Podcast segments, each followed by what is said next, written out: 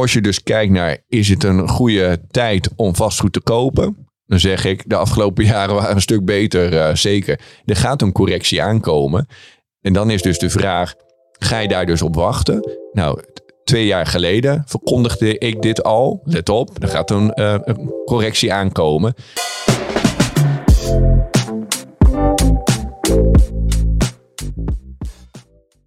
Welkom bij aflevering 131 van de Wildgenoten podcast. De nummer 1 podcast voor ondernemers. Mijn naam is Koen, naast mij zit Jaro.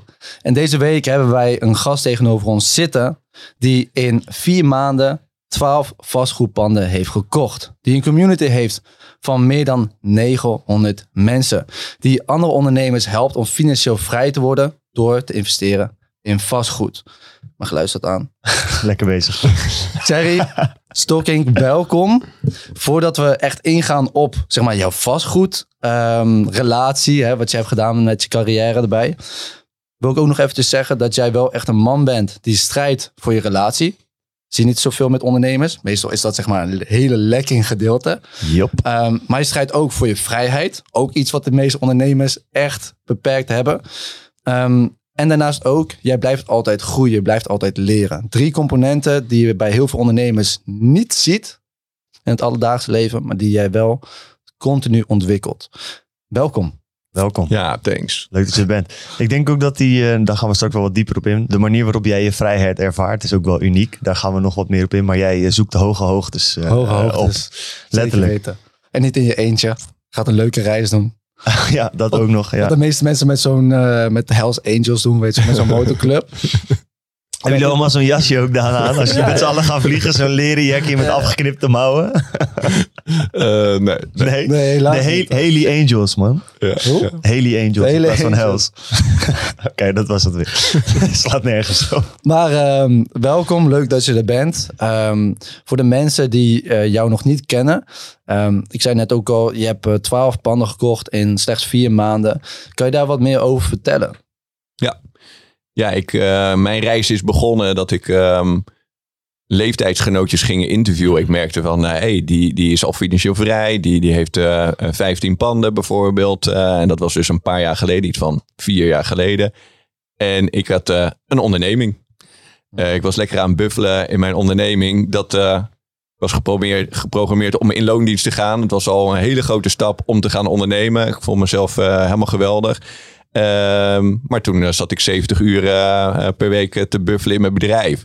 En toen kwam ik gasten tegen die minder ehm, per week werkten. Ja, en die een vastgoedportefeuille hadden. En mijn leeftijd. Dus ik vroeg, joh, hoe heb je dat gedaan? En toen dacht ik van, hé, dit is een reis die ik doormaak. Als ik die nou eens ga delen met andere mensen, dan hebben ze er ook wat aan. En dan is voor mij ook een mooie ja, marketing. dat er eh, honderden mensen, nou ja, dat groeide naar duizenden mensen eh, met mij meekeken. Dus toen ben ik op eh, YouTube eh, ervaringsdeskundigen gaan interviewen. Begon met jongens van mijn leeftijd. Daarna steeds wat ouder, want het moest juist, ja, elke keer dacht ik, moet, moet uitdagender. Mensen die al 30 jaar in het vastgoed zaten, die, die meer dan 100 panden hadden. Dat heb ik drie jaar gedaan. Drie à vier jaar. En toen had ik zoiets van, ja, ik ben hypotheekadviseur. Zo ben ik begonnen met mijn eh, bedrijf. En nu ben ik de hypotheekadviseur die de theorie weet. Nou, de praktijk ook wel. Maar zelf heb ik geen vastgoed. En eh, al die mensen die naar mij luisterden, zaten er heel veel van in een, eh, in een Facebookgroep. En toen zei ik van, joh gasten, ik, ik wil mezelf uitdagen. En ik ga nu tegen jullie zeggen dat ik ehm, ja, wel twee panden of drie panden wil gaan kopen. In een korte tijdsbestek van vier, eh, vier maanden. Want ja, jullie zitten te klagen dat jullie maar eh, geen geld hebben, geen, eh, geen panden kunnen vinden. Het lukt niet. Ehm, als ik er nou in één keer drie koop in een heel kort tijdsbestek is een beetje hetzelfde als dat jullie net starten en daar een jaar voor, voor uittrekken met weinig kennis en ervaring en zo. Dus toen zei ik, jullie mogen me accountable houden. Ja, en toen werd ik steeds enthousiast en toen zei ik van, weet je wat, om, om, om jullie nog meer te inspireren eh, en, en voor mij een ja, ondenkbaar doel te hebben. Ik, ik, ik ga er twaalf kopen in vier maanden tijd. Het waren de eerste tien, maar ik dacht, eh, ja, als ik tien zeg, dan bij de negende wordt het zo moeilijk. Dus als ik dan twaalf zeg, dan weet ik zeker dat ik die tien uh, hou. Dus zo begon ja, een challenge die ik mezelf had opgelegd. Uh, en mijn vrouw die hoorde dat opeens de volgende dag. Dus die was helemaal... ja, die was kwaad. Die was echt kwaad. Dus, dus, dus ik dacht, kut. Nou begin mijn challenge met 2-0 achterstand. Mag vragen, waarom was ze kwaad? Want eigenlijk als mede-ondernemer zou je denken, ja, lekker bezig. Goed bezig. Goed ja. bezig, ga zo door. Veel plezier. Hoe, hoezo reageerde jouw vrouw zo erop? Enerzijds omdat zij niet zoals ons is. Hè? Dus wij houden van risico's en van groei. En zij is zoiets van, uh, um, ik vind het allemaal spannend, eng. Ik wil niet investeren. Wat gebeurt er met mijn geld? Zoals raken we het kwijt. En uh, doe maar rustig aan. Dus, dus zo risicoavers. Dat was wel zo één. En twee, iets heel simpels. En dat doen heel veel ondernemers zoals ik. Fucking impulsief. Had overlegd. Thierry, hebt niet eens overlegd. Uh, ze wist wel dat ik uh, verder wilde met, met vastgoed. Maar uh, gewoon met, met één pand. Niet met twaalf. Dus het is ook niet zomaar een stap omhoog, zeg maar. Ja, niet, niet vijf, maar twaalf. Ja, ja, ja, ja, dus ze zei, ja, wat, wat ga je allemaal met ons geld uh, doen? Had, had gewoon beter overleg. Dus ja, ze had alle recht om kwaad te zijn. Maar ja, dat is dat impulsieve wat ik, uh, wat ik heb. Waardoor ik zo extreem groei op alle facetten. Het is mijn talent, maar ja, vaak is het gelijk dan ook een valkuil. Uh, je, je talent, omdat je zo in hyperfocus gaat dat je van alles kapot maakt. Ja. Oké, okay, dus toen begon je reis, toen begon je avontuur. Ja, dus met 2-0 achterstand. Relatie uh, ging, ging uh, om zacht uh, gezegd kut. ja. dat was één. En, en een tweede was, ik had mijn doel zo hoog gesteld dat ik uitstelgedrag kreeg. Dus een maand lang deed ik helemaal niks voor mijn gevoel. Ik ging geen panden zoeken. Want ja, ik zat 70 uur per week in mijn bedrijf. ik had helemaal geen tijd om panden te zoeken. Um, ik deed wel oproepjes en dan gingen deal sources mij panden voorleggen. Maar ik keek er niet naar, want uh, ik was met andere dingen bezig. Ja, en achteraf merkte ik wel dat ik um, in, in die eerste maand niet echt met vastgoed bezig was. Ik was met mijn bedrijf bezig. Maar ik was wel al heel veel aan het delegeren. Dus ik was mezelf um, ja, misbaar aan het maken uit mijn bedrijf. En dat, dat heeft ervoor gezorgd dat ik één, nou, het, het werden zelfs twee maanden uitstel heb gehad. Waarin ik vrijwel niks in het vastgoed heb gedaan. Maar ik heb wel in die twee maanden alles uitbesteed in mijn bedrijf. En we hadden toen iets van elf collega's. En ik was niet meer echt nodig. Terwijl ik toen ja, enorm op de voorgrond ook uh, zat. Dus ja, als je mij nu vraagt, hoe heb je dat allemaal voor elkaar gekregen? Dan was het dus, ik had al een succesvolle business. Dus, dus hou daar rekening mee als je jezelf gaat vergelijken met, met mij. Um, ik had veel winst en ik wist dat um, ja, als de boel zou klappen, de woningmarkt twee jaar geleden al was gedraaid bijvoorbeeld, dat ik nog steeds al die uh, hypotheken kon betalen. Dus het was, was een wel overwogen beslissing financieel gezien, maar ook um, ja, dat ik al, uh, weet ik veel, iets van uh, ruim 15 jaar hypotheekadviseur uh, was. Ik wist gewoon wat ik aan het doen was. Dus dat zijn de uitgangspunten geweest. Ja, en in die laatste twee maanden had ik zoiets van: uh, oké, dit gaat niet goed uh, komen. En de ervaren vastgoedbeleggers die zeiden: ja, nu gaan we je er ook aan houden. Uh, ook. En je hebt nog nul pannen gekocht. dus dat is wel echt triest. Als je er nou. Het is gewoon super knap als je er vier weet te kopen. En je hebt jezelf twaalf opgelegd. Dat, dat, ja, zo, zo, zo keek ik er ook wel naar. Was ik ook trots geweest. Dus toen voelde ik ook opeens die druk. Ja, wat dat toen met me heeft gedaan is dat ik uh, om hulp ben gaan vragen. En dat was ook al makkelijker, hè? want als je jezelf weer gaat vergelijken met Jerry, uh, hulp vragen, wie moet dan bellen? Ik had in die drie, vier jaar um, van tijd, had ik dus allemaal ervaren mensen geïnterviewd.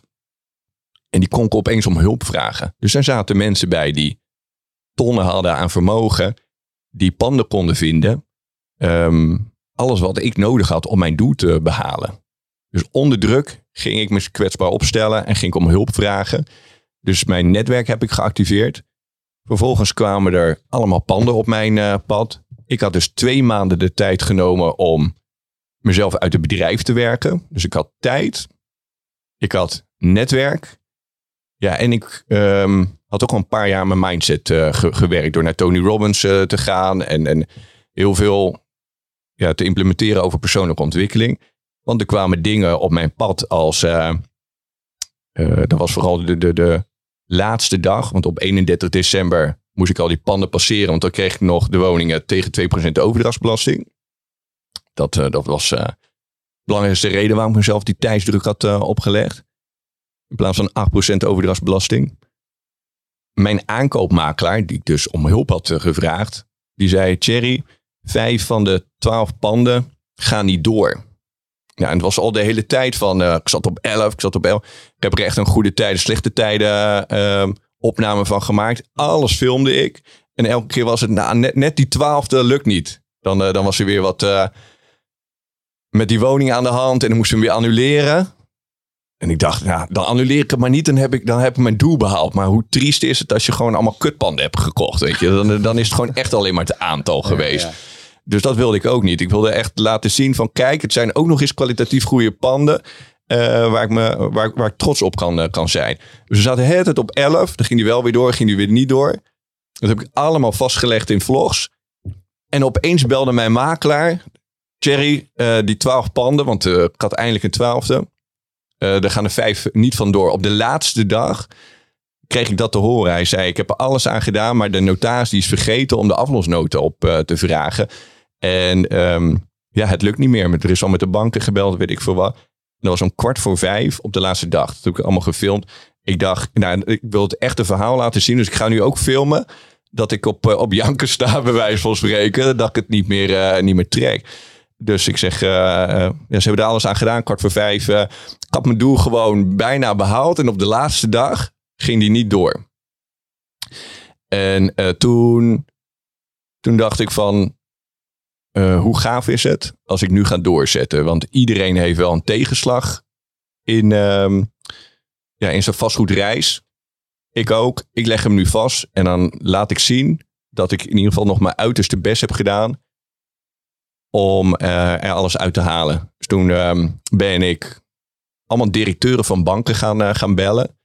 Zaten die in jouw netwerk ook toen? Ja. Of is dat, ja, oké, dus dat, Ja, je had ja. je wel een klein, ja, Ja, want geluk wil ik het niet noemen, maar daar had je, ja, eh, oké, ja. ja, ja. Dus, eh, dus die ben ik gaan bellen vanaf vijf uur tot eh, kwart voor elf eh, s s'avonds. Hm. Ehm, ja, en toen ging ik dus naar de notaris toe de, de volgende dag. En een kwartier voordat ja, ik die vijf woningen kreeg, toen zei de notaris van... eh, joh, ehm, mijn samenwerkingspartner kwam binnen en die had helemaal niks gezegd. Want ik dacht, ja, dan, dan zit ze alleen maar te stressen eh, dat het niet doorgaat. En het was toch buiten haar controle om. Dus die had ik ehm, helemaal niks gezegd. En de notaris die zei... eh, ja, Thierry heeft er voor elkaar gekregen een kwart- kwartier voor tijd om de aflosnota te, te, te regelen. Ehm, ze, ze zei zelfs... ehm, anders had ik ook wel gepasseerd. Nou, dan had zij dus gewoon iets gedaan wat helemaal niet, eh, niet mocht. Ehm, dat, dat wil je ook niet, want dan wordt het een rechtszaak. Met, eh dan wil je niet met notarissen. Dus ja, op, op, op beeld vertelde zij dat, dat, ehm, dat ze iets wilde doen wat eigenlijk niet mocht. En ze zei, uh, maar Thierry heeft een kwartier voor tijd heeft, ze, heeft hij het kunnen, kunnen regelen met, met die directeur van de bank. Ja, en daardoor kon ik gewoon laten zien, nooit opgeven. Hoe ging dat telefoontje? Want jij bent van vijf uur, je begint met bellen.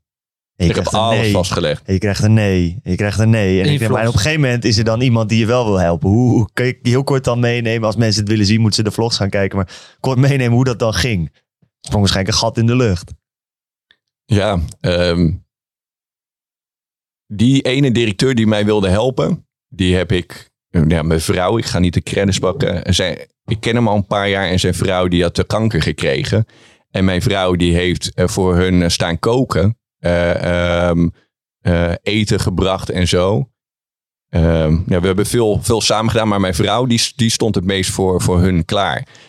Ja, en die, die hulp die we toen hebben, ehm, al jaren terug, ehm, ja, die heb ik eigenlijk verzilverd. Daardoor ging hij nog harder voor mij rennen. Omdat gewoon, ja, wanneer je echt mensen nodig hebt, stonden wij voor ze klaar. En, en, en toen opeens, ehm, vond hij het niet erg om nog om tien uur s'avonds met andere directieleden te, te, te gaan bellen om, eh, om dat nog eh, te regelen. Ja. ja, en dat heb ik allemaal vastgelegd hoe, hoe, hoe dat ging. Van, van eh, een, een gezicht die op janken stond eh, tot aan... eh, ehm, nee, ik, ik heb dit met mezelf afgesproken. Ik heb enorm veel zelfvertrouwen. Waardoor komt dat? Omdat ik altijd op mezelf kan bouwen. En ik weet dat ik heel goed met mensen omga. Ik investeer in relaties. Dus als ik een keertje wat vraag van willen jullie mij helpen? Want ik zit echt enorm in de shit. Ik ben niet van het constant maar vragen en mensen uitzuigen. Nee, ik ben echt de gever. Dus, dus ehm, ja, kan je ook echt credits eh, verzilveren. Ja, vind ik mooi. Dat is denk ik ook een wijze. Ik wil het niet een les noemen, maar iets wat mensen zich bewust van moeten zijn als ze dit luisteren, is dat door ten alle tijde open te staan om te geven. En niet geven met verwachting, maar echt weggeven. Want heel veel mensen doen ruilen. Ze zeggen ik geef, maar ze ruilen eigenlijk, want Ja. ze doen dingen met verwachting. Dingen zonder verwachting doen, zul je merken, en dan wordt het zweverig, dat het universum, als je het zo wil noemen, er lijkt een bepaalde energie te zijn dat als je continu geeft, zonder verwachting, dat op momenten dat jij zelf in de penarie zit, dat dingen zich gaan verzilveren waarvan je denkt, oh, dat had ik nooit verwacht, dat dat dan weer ineens soort van positief uit zou werken. Ik vind dat hier eh, een heel mooi voorbeeld van. Ja. En dat is dus niet verkeerd interpreteren, dus niet continu dingen gaan doen met de verwachting dat je terugkrijgt. Maar door gewoon te geven zonder te verwachten, zul je merken dat dat zich op een gegeven moment weer gaat cultiveren jouw kant op. Als je mij vraagt van hoe komt het dat je zoveel succes hebt ehm, opgebouwd op alle vlakken, dan is het, eh, vooral als ondernemer heb ik dat gemerkt, ik doe dingen op gevoel. Dus ik spreek met mensen en als ik een matig gevoel over je heb, dan neem ik afscheid. Dus je moet ook echt keihard kunnen zijn eh, door heel veel nee te zeggen. Ook op samenwerkingen. Dat je eigenlijk, ja, een van de belangrijkste dingen is altijd nee zeggen tegen uitnodigingen. Zodat je altijd nog als je er goed over na hebt gedacht, ja kan zeggen. Maar als jij eerst ja gaat zeggen tegen iedereen, of tegen een bepaalde mensen, ga je dus al wat beloven. Nou, ik ben, mijn kernwaarde is echt, ik, wil me altijd aan mijn afspraken houden. Dus dan ga je, dan denk je een dag later, kut, had ik toch niet moeten doen. En ga je dus met spijt, ga je dan toch nog doen. Dus ja, dat zijn wel ondernemerslessen die ik heb, eh, heb geleerd. Mensen aannemen op buikgevoel. Eh, dat je gewoon zeker weet dat je op die mensen kan bouwen. Ja, en als ik dus die mensen vertrouw, dan geef ik dus onvoorwaardelijk aan ze. Met ja, dus wel een verwachting dat eh, ze daar goed mee omgaan met dat vertrouwen. En wanneer ik hun dan een keertje wat vraag, dat, ze, dat zij ehm, mij ook helpen. Ja. Dus ik geef met weinig verwachtingen, behalve van dit is een groep mens. En wanneer ik een keer ooit over vijf jaar wat zou vragen, dat, dat, eh, dat ze mij dan ook helpen. Dus wel goede mensen om je heen eh, verzamelen. Want je wil niet heel veel energie geven aan slechte mensen die, die ook niet voor andere mensen klaar staan. En, en ja, ik ben niet heel bijgeloven, maar wat jij nu zegt, ja, daar geloof ik dus heilig eh, in. Dat universum, ik praat zo, en dit is ook een belangrijke, al probeer zo, zo, zo positief mogelijk tegen jezelf te praten. Dus ik leer dat mijn kinderen ook. Ik zeg, ik heb echt altijd geluk.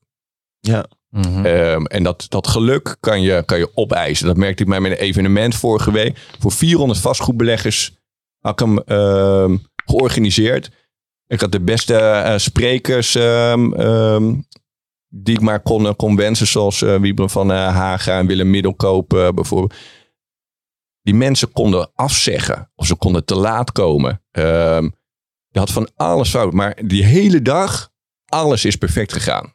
En dan zeg ik tegen mezelf, ja, geluk komt je toe. Eh, Ik heb het opgeëist. Eh, ik heb niks aan toeval overgelaten. Ehm, ja, en die successen die kun je gewoon soort van opeisen door je aan bepaalde routines te houden elke dag weer. Te kijken van wat zijn routines, wat zijn ehm, de, de routines die succesvolle mensen hebben. Ga die ook volgen. Maar ook ga om met goede mensen. Selecteer die op buikgevoel. Ja, en, en dan komt succes dus, dus naar, je, naar je toe. En vooral, dat is dan ook weer een tip. Wees wel heel geduldig. Zie het als de sportschool. Ga, ga je lichaam trainen en verwacht niet na twee maanden al resultaat. Kijk het op de, op de lange termijn. En ga gewoon bouwen aan de fitheid van je netwerk en, en, en eh, de wederkerigheid die je hebt opgebouwd en de mensen om je heen. Eh, ik zit nu echt in de, in de oogstfase. In één keer wat ik in vier jaar heb opgebouwd, kan ik nu allemaal oogsten. Ja, dat is mooi om te zien. Ik heb ehm, voor de mensen, want we hadden het net wel even over vastgoed. We gaan nu alweer heel erg richting Mooi, de mindset. Ja, Dat is heel mooi om te hebben. Ehm, later gaan we het nog hebben over vastgoed. Ook voor de kijkers en mensen die er kijken zeggen van ja, 12 panden in vier maanden, let's go. daar heb ik Ehm, ook nog wel een paar vragen Ja, stel, over, stel me maar de vraag. Precies, maar Ja. dat is interessant. Op het laatst hebben we daar ook nog een heel leuk aanbod voor de mensen die dat ook interessant vinden. Ja. Zodat ze dat weten. Ehm, jij kan je vraag erover stellen. Eén vraag die ik daarvoor heb, is met routines. Routines, sommige mensen zeggen, je kan alles als routine hebben. En routines zijn per persoon zijn ook heel erg verschillend. Ze moeten natuurlijk wel jou persoonlijk kunnen helpen. Welke routines zijn bepalend geweest voor jou om dus ook die mindset te creëren die je nu hebt? Eén is accountability partners om me heen eh, verzamelen. Dus, dus eh, laatst was een maat van Alice de Overeem, die hier ook in de podcast is geweest bij me thuis. En die zag een boekje liggen. Een hemera van, van uh, Thibaut Olgers, mijn, mijn coach, ondernemingscoach. Hij vroeg, joh, wat is dat? Ik zeg, nou ja, dat is een, een boekje waarin mijn dagen bijhoud. zodat ik mijn, mijn mijn doelstellingen voor de volgende dag kan vastleggen. Oh, mag ik er eens in kijken? Ja, en daar staat gewoon in ja, hoe ik mijn dag structureer. Wat wil ik de volgende dag uit mijn eh, dag halen? Dus dat zet ik op eh, primaire taak. Dit wil ik morgen uit mijn dag halen. En wat drie kleinere secundaire eh, taken. Wat wil ik op mijn lichaam? Wat wil ik morgen gaan trainen? Ook hyperfocus. Niet maar wat doen op de sportschool, maar inzoomen op mijn benen bijvoorbeeld. Wat wil ik aan verbinding? Ik wil er eh, morgen goed voor mijn kids eh, zijn. De avond eh, is voor hun. Ik ga leuke dingen mee. Schrijf ik dat op, die intenties. Qua voeding. Ik wil morgen goed op mijn voeding letten. schrijf ik dat op. Ja, en dan ga ik mezelf daar de volgende dag een cijfer op geven. Voeding, nou, is, is niet helemaal gelukt. Schrijf ik dat, dat op. Verbinding met de kids. Elke dag geef ik mezelf daar punten toe. En dan weet ik van, oké, dit wilde ik uit mijn dag halen. En dat is voor 80% is dat gelukt. Ehm, en die rapporteer ik dus aan twee van mijn accountability partners. En Alistair rapporteert het aan mij. Ik ben dagelijks zijn accountability partner. Om te kijken van, joh, hoe is het met je meditatieoefening gaan? Met je ademhalingsoefeningen, met de verbinding met je kid. ehm, met je, met je eh, trainingen ehm, als, als kickboxer. Eh, wat was het doel? Ja, en dat, dat is dus druk opleggen op elkaar om elke ochtend eh, en, en s'avonds die doelen helder te hebben en dat te rapporteren. Die heeft mij structuur gebracht. Dat is één. Ja, en als je dus kijkt naar hoe mijn dagen eruit zien, is dat dus beginnen met 's ochtends vroeg mijn bed uitgaan en dan het kutste doen wat ik, eh, wat, wat, wat, wat ik vind. En dat is dus in een ijskoud bad stappen. Nou, en Alistair die vroeg me laatst, joh, eh, hoeveel ijs doe je er eigenlijk in? Ik zeg bijna niks. Gas, maar dat, dat, is, dat, is toch, dat is dan toch geen ijsbad? Ik zeg, eh, ja, maar zo staat het ook in mijn hemera. Er staat ook gewoon een, een, een, een, eh, koud bad met ijs. Maar het is geen ijsbad. Ik zeg, dat weet je zelf ook. Kleine stapjes beginnen. Ik doe dit nu drie maanden. Vrijwel elke ochtend stap ik in dat fucking kutbad. Had ik daar gelijk al een ijsbad van gemaakt, had ik dat zeven dagen volgehouden. En had ik dat met vol trots tegen jullie kunnen zeggen. En dan was het gestopt. Eh, het moet een routine worden. En ik ben begonnen met kraanwater. eh, gewoon lauw. En st- steeds kouder. En, en nu ben ik in de fase, dat doe ik nu, eh, weet ik veel, eh, drie weken, gooi ik er ijs bij. En dat wordt steeds meer. Dus, dus dat is een routine. Iets kuts doen wat, ik echt elke ochtend, bijna elke ochtend, denk mijn, denk mijn hoofd. Niet doen, niet doen, niet doen. Dus dat is weer een spier ehm, die, die je aan het ontwikkelen bent in de sportschool. Dat stemmetje heb ik onder controle. En ik negeer hem nu. Hij, hij, hij waarschuwt me voor iets kuts. En ik ga het toch doen, want het is goed voor mij. Dus de, voor mijn mindset is dat supergoed. Daar investeer ik heel, erg veel in. Dan doe ik iets waar ik ook totaal geen zin in heb. Maar ik hoor daar heel veel succesvolle mensen over. En dat is mediteren. Ik praat tegen mezelf van, geen tijd voor, geen tijd voor. Nee, ik ben niet zo'n gast. Ik ga helemaal niet op een matje zitten. Maar ik ben ook weer zo. Als ik toch in dat ijskoude bad ben. Nou, is dus ook nutteloos, hè? Want ik heb dat stemmetje. Maar dan zit ik daar tien minuten, zit ik daar in het bad niks te doen. Zonder van mijn tijd. Dan ga ik dan dus mediteren. Dus dat doe ik twee in één. Dan heb ik dus geleide eh, meditatie. Luister ik naar Michael Pilarczyk op zijn op zijn eh, via me- meditation app. Goeie app. Ja, dus dan heb ik koud bad. Met wat ijs. Een sprinkeltje. Ja, en, nee, nee. Er, er- er gaan eh, een stuk of 50 ijsblokjes eh, al Elke in. ochtend. Ja, dat vind ja. ik al. Nee, twee keer per dag. Dus ze gaan. eh, nee, ik zeg het. Nee, in totaal gaan er nu 50 ijsblokjes in. Je haalt ik, al eh, die eh, ijsblokjes dan. Gewoon zelf. Daar douw ik elke ochtend en avond. Maar die moet je eh, ook kopen, eh. toch? Nee, nee, nee. Gewoon zo'n plastic eh, ding. Daar heb ik er eh, zes van. Die- Daar doe ik water eh, in. En dan heb ik Oh, allemaal ijsblokjes. Oh, Een vriezer, ja. Koen. Een vriezer. ja. Ja, lekker. IJsblokjes uit de vriezer. The fuck? Eerst ging ik zelf altijd ijsblokjes maken, toch? Koen is een Toen heb ik laatst heb ik van die, echt van die blokken gehaald. Toen dacht ik van, hey, het is wel veel geslepen hoor. Dus ik hoor jou nu, als je twee van die grote zakken... dacht van, ja, het is wel veel slepen als je dat elke Ja, dag twee nee, zakken gewoon van die, eh, waar, waar, waar je nu eh, in dit glas eh, ijs Ja. in de doet, daar heb ik gewoon een paar van gekocht. Die kan je Ja. er elke keer gebruiken. Maar ja, dus, dus haal de lering uit. Word nou niet enthousiast van, ja, ik ga ook in een ijsbad.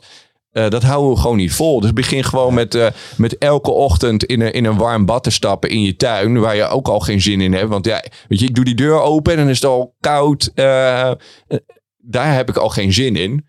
Super kleine stapjes. Ja. En dan, en dan steeds wat, wat erger maken. Als je merkt dat je het gewoon al maanden volhoudt. En dan wordt het een, een gewoonte. Ehm, dus die twee dingen heb ik. Dus even kijken. succes. Ja, ik, ik ga dus al 18 jaar of zo. Even kijken. Ik ben nu 38. En vanaf mijn 14e, 15e ging ik naar de sportschool toe. Ja, dat, heeft, dat heeft echt heel veel met mijn mindset eh, gedaan. Altijd maar naar die sportschool. Ik, ging zelf, ik, ik ga zelfs naar de sportschool wanneer ik ehm, ja, gr- griep heb bijvoorbeeld. En dan ga ik gewoon naar de sportschool toe. Dan, dan doe ik daar bijna niks. En dan ga ik weer naar huis toe. Om maar die routine, routine. erin te houden. Eh, ik, ik, heb ja, ook op, op vakantie ga ik gewoon naar de sportschool toe. Ehm, al, al haal ik er vrij weinig uit. En nu zit ik in een goede flow. En nu wil ik er alles uithalen. Dus ik train met personal trainers. Ik train met, eh, in Amsterdam train ik met eh, Olympische spelers, met wereldkampioenen. Zo heb ik ook uh, Alistair leren kennen. Gewoon in een groepje met mensen die veel sterker zijn dan ik. Ik ben de zwakste terwijl ik fit ben. Dat is één. En thuis train ik met personal trainers om, om daar gewoon alles uit te halen. Ook al heb ik geen zin. Dus dat heeft ervoor gezorgd ehm, dat ik een goede mindset heb. Ja, en fucking veel investeren in, eh, in mijn netwerk. In de mensen om mij heen. Uh, al zeg ik dat ik met mensen uit elkaar ga, dan uh, ga ik heel goed met ze uit elkaar. Ook al um, ja, verlies ik daar af en toe wat op. Maar ik heb gewoon met iedereen een goede relatie. Ook al heb ik keihard de waarheid verteld en afscheid van ze genomen. Als je leert supergoed met mensen om te gaan, gaan ze je ook gewoon helpen. Ja. In alle doelen die je stelt, uh, kunnen ze je helpen. Bijvoorbeeld het kopen van 12 panden. Om daar weer uh, even terug naar te gaan. Ik denk dat we hier straks nog veel dieper op in ja. kunnen gaan. Maar voor wat, we, we kunnen ons, alle drie verliezen we onszelf hier denk ik in. Ja, voordat zeker, we helemaal zeker. in de mindset uh, zitten. Laten we daar zo nog op terugkomen. Ik heb een aantal uh, dingen waar ik wel benieuwd naar ben. uh, in dat hele traject van het kopen van die panden. Want er zijn natuurlijk veel mensen die hier naar kijken. Die misschien minder vermogend zijn. Of, of in een andere situatie zitten dan jij toen zat. Um, om de baseline te trekken. Wat was ongeveer jouw inkomen in die tijd? Want dat is natuurlijk voor veel mensen al, ja, ja als je drie ton winst per, per maand, ja, dan kan ik ook wel panden kopen, ja. zeg maar. Ja. ja. Ja. En dat is één ding wat ik graag zou willen weten. Het tweede ding is, hoe zou je mensen aanraden die geen netwerk hebben? Je had een heel goed netwerk, om dat misschien toch te kunnen cultiveren of daarmee aan de slag te kunnen. Want dat zijn denk ik twee uitdagingen die ik bijvoorbeeld altijd met vastgoed ook wel zag. Van ja, één, ik heb het geld niet. Ja, dat kan je dan misschien nog op een bepaalde manier regelen. Maar dan moet je een netwerk hebben. Ja, dat heb ik ook niet. Dus dan, ja, dan zie ik van, ja, dan is dit niks voor mij. Hoe was dat precies? Ja, ik ken uh, 18, tussen de, mensen die uh, tussen de 18 en 20 jaar zijn en die al panden hebben. Ja, dan, dan heb je dus uh, vaak al of rijke ouders of een um, succesvolle business. Die zie ik het meest. Um, dus dan zijn dat de uitgangspunten waardoor ze succes hebben behaald. Als je en geen netwerk hebt en geen goed bedrijf hebt en geen vermogen. Als ik zo zou moeten beginnen, dan zou ik zeggen van um, leer de skillset om panden te, te zoeken. Zo moet je al bij iemand. Ik zou dan wat, wat ervaren vastgoedbeleggers gaan contacten. Nou, waar vind je die bijvoorbeeld in, uh, in, in, uh, in mijn Facebookgroep uh, Vastgoed Mastermind? daar kan je dan gratis in. Er zitten allemaal ervaren vastgoedbeleggers. En dan ga je netwerken. Nou, hoe werkt netwerken? Door, door niet te vragen van hoi, ik ben Pim en ik ben uh, 18 jaar oud en ik moet wat van jullie. wat de meesten dus doen, hè, die sturen mij DM'tjes met Cherry. Regel dit ook even voor me. Ja. Help me. Dat is fucking geen netwerken. Dat is gewoon alleen maar, Halen. alleen maar halen. Ja. Dus je gaat eerst iets brengen. Ja, dan krijg ik DM's van... eh, ja, maar ja, wat heb ik nou te brengen op mijn achttiende? Er is altijd wel iets. Dan, dan, dan zeg je gewoon van... eh, eh, de meeste van 18 hebben fucking veel tijd. Wat hebben mensen van 50 meestal? Geen tijd. Dus ga je ze daarin helpen. Kan ik iets voor je doen? Eh, als jij mij uitlegt hoe ik panden eh, moet zoeken. Dit zijn de uitgangspunten. Ga ik ze voor je zoeken. Dat je een samenwerking eh, gaat, gaat opbouwen. En dan vraag je er geen geld voor. Dan ga je gewoon alleen maar brengen. Kijk, ik heb weer een, een pand voor je gevonden. En vervolgens hebben we zoiets van, eh, zo, die Pim die heeft eh, al vier panden voor me geregeld. Ik heb eh 12.000 euro daar eh, eh, mee gemaakt, want ik heb die deals weer kunnen doorverkopen bijvoorbeeld. En dan vraag je, ik heb je nu heel veel gegeven. Kun je mij uitleggen hoe je dat allemaal hebt gedaan? En dan, dan, dan leer je om een dealsource te worden. Dus panden zoeken, eh, waarop te letten. hoe je ze kan doorverkopen aan mensen die ze kunnen kopen bijvoorbeeld. Dan leer je dus, je krijgt daar kennis door. En die, die, die, die vent die helpt, die leer je beter kennen. Eh, die heeft ook weer vriendjes waar je het trucje ook weer voor kan eh, doen. Dus dan ben je dus aan het netwerken door te geven. Zo zou ik hem dus, eh, dus doen. En als je dat anderhalf jaar hebt gedaan. En dan zou ik, als ik die beste man was, ook zeggen van... Nou, je mag gewoon een keertje bij mij meedoen. Ik, ik vind het zo gaaf wat jij doet. Ehm, maar dan moeten ze dus wel echt talent in je zien. Hè? En talent zie ik... Als, als je mij nu vraagt, Thierry, waar zou je mij op selecteren? Dan is het ehm, op hongerig zijn. Als ik in een sportschool een 18-jarige jongen eh, tegenkom en die vraagt mij van alles en ik merk dat hij echt super eager is, dan, dan help ik ze. Ehm, maar vervolgens dan vertel ik hoe mijn pad is geweest en als ik ze dan niet zie schrijven, ze alleen maar ja, ja, ja, ja. Moet je even op YouTube dit en dit. eh. Ik zie ze niks doen, dan laat ik ze gelijk weer los. En dat zijn de meeste. Dus die zeggen, ja, ik wil het wel, ik wil het wel. En dan geef ik wat tips. En vervolgens eh, doen ze er geen ene hol mee. Dus hongerig zijn, en eh, enorme implementatiekracht eh, hebben. Ik heb al die patronen heb ik blootgelegd bij succesvolle mensen, maar ik ben het gaan doen. Die is, dat is key. Super key. Als je iets meeneemt uit deze podcast, is dat. En dat is niet alleen voor vastgoed, dat is gewoon in live. Ja, nou, dat is niet met dat alleen ijsbad, luisteren. hè? Dat is met dat Ja. ijsbad. Ja. Ik ga het doen. Ik heb er geen zin in, maar ik ga het doen. Juist. Maar hoe, oké, dat is. Ik, ik kan nu al twintig mensen opnoemen die ik ken waar het doen. Of super traag gaat. Want dat is ook iets, toch? Van, ik kan het doen, maar bij de ene persoon duurt dat een jaar. En bij de andere persoon duurt dat letterlijk een minuut. Dus waar zit het verschil in tussen die personen dat het bij de ene zo lang duurt. Of uiteindelijk niet doet en het de ander zo snel gaat doen? En vervolgens wat je dus gaat doen is iemand modelleren bij het doen. Dus je verzamelt iemand die drie stappen verder is, die, die het doel al een keer heeft behaald. Ja. Die ga jij modelleren. Ik modelleer heel veel mensen. Ik kijk wat, wat ze allemaal hebben gedaan. En dan hoor ik, fucking mediteren. Ja, gas, want, want zo krijg je rust in je kop. En dan kun jij eh, dingen gaan evalueren. Je hebt dingen fout gedaan in, in, in, in het modelleren. En dan ga je erover nadenken. En dan ga je een beter aan. In plaats van wat ik vroeger deed. Boedozen, rammen, rammen, rammen, rammen.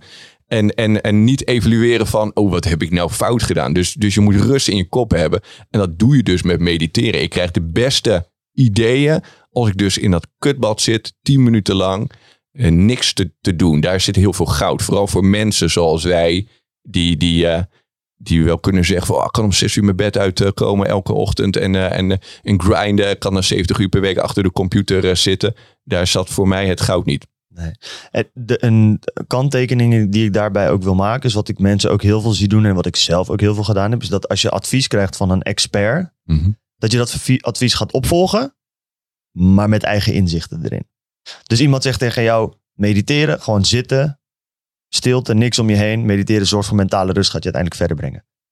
Ja, ja, dat doe ik ook wel, man. Ik heb meestal in de sportschool, toch? Dan eh, doe ik gewoon geen muziek en dan daar kom ik tot rust. Nee, nu ga jij, Ja, zonder ja, dat je ervaring hebt, zonder dat je iets weet hiervan, invulling geven dat dat blijkbaar hetzelfde effect heeft. Dat is niet zo.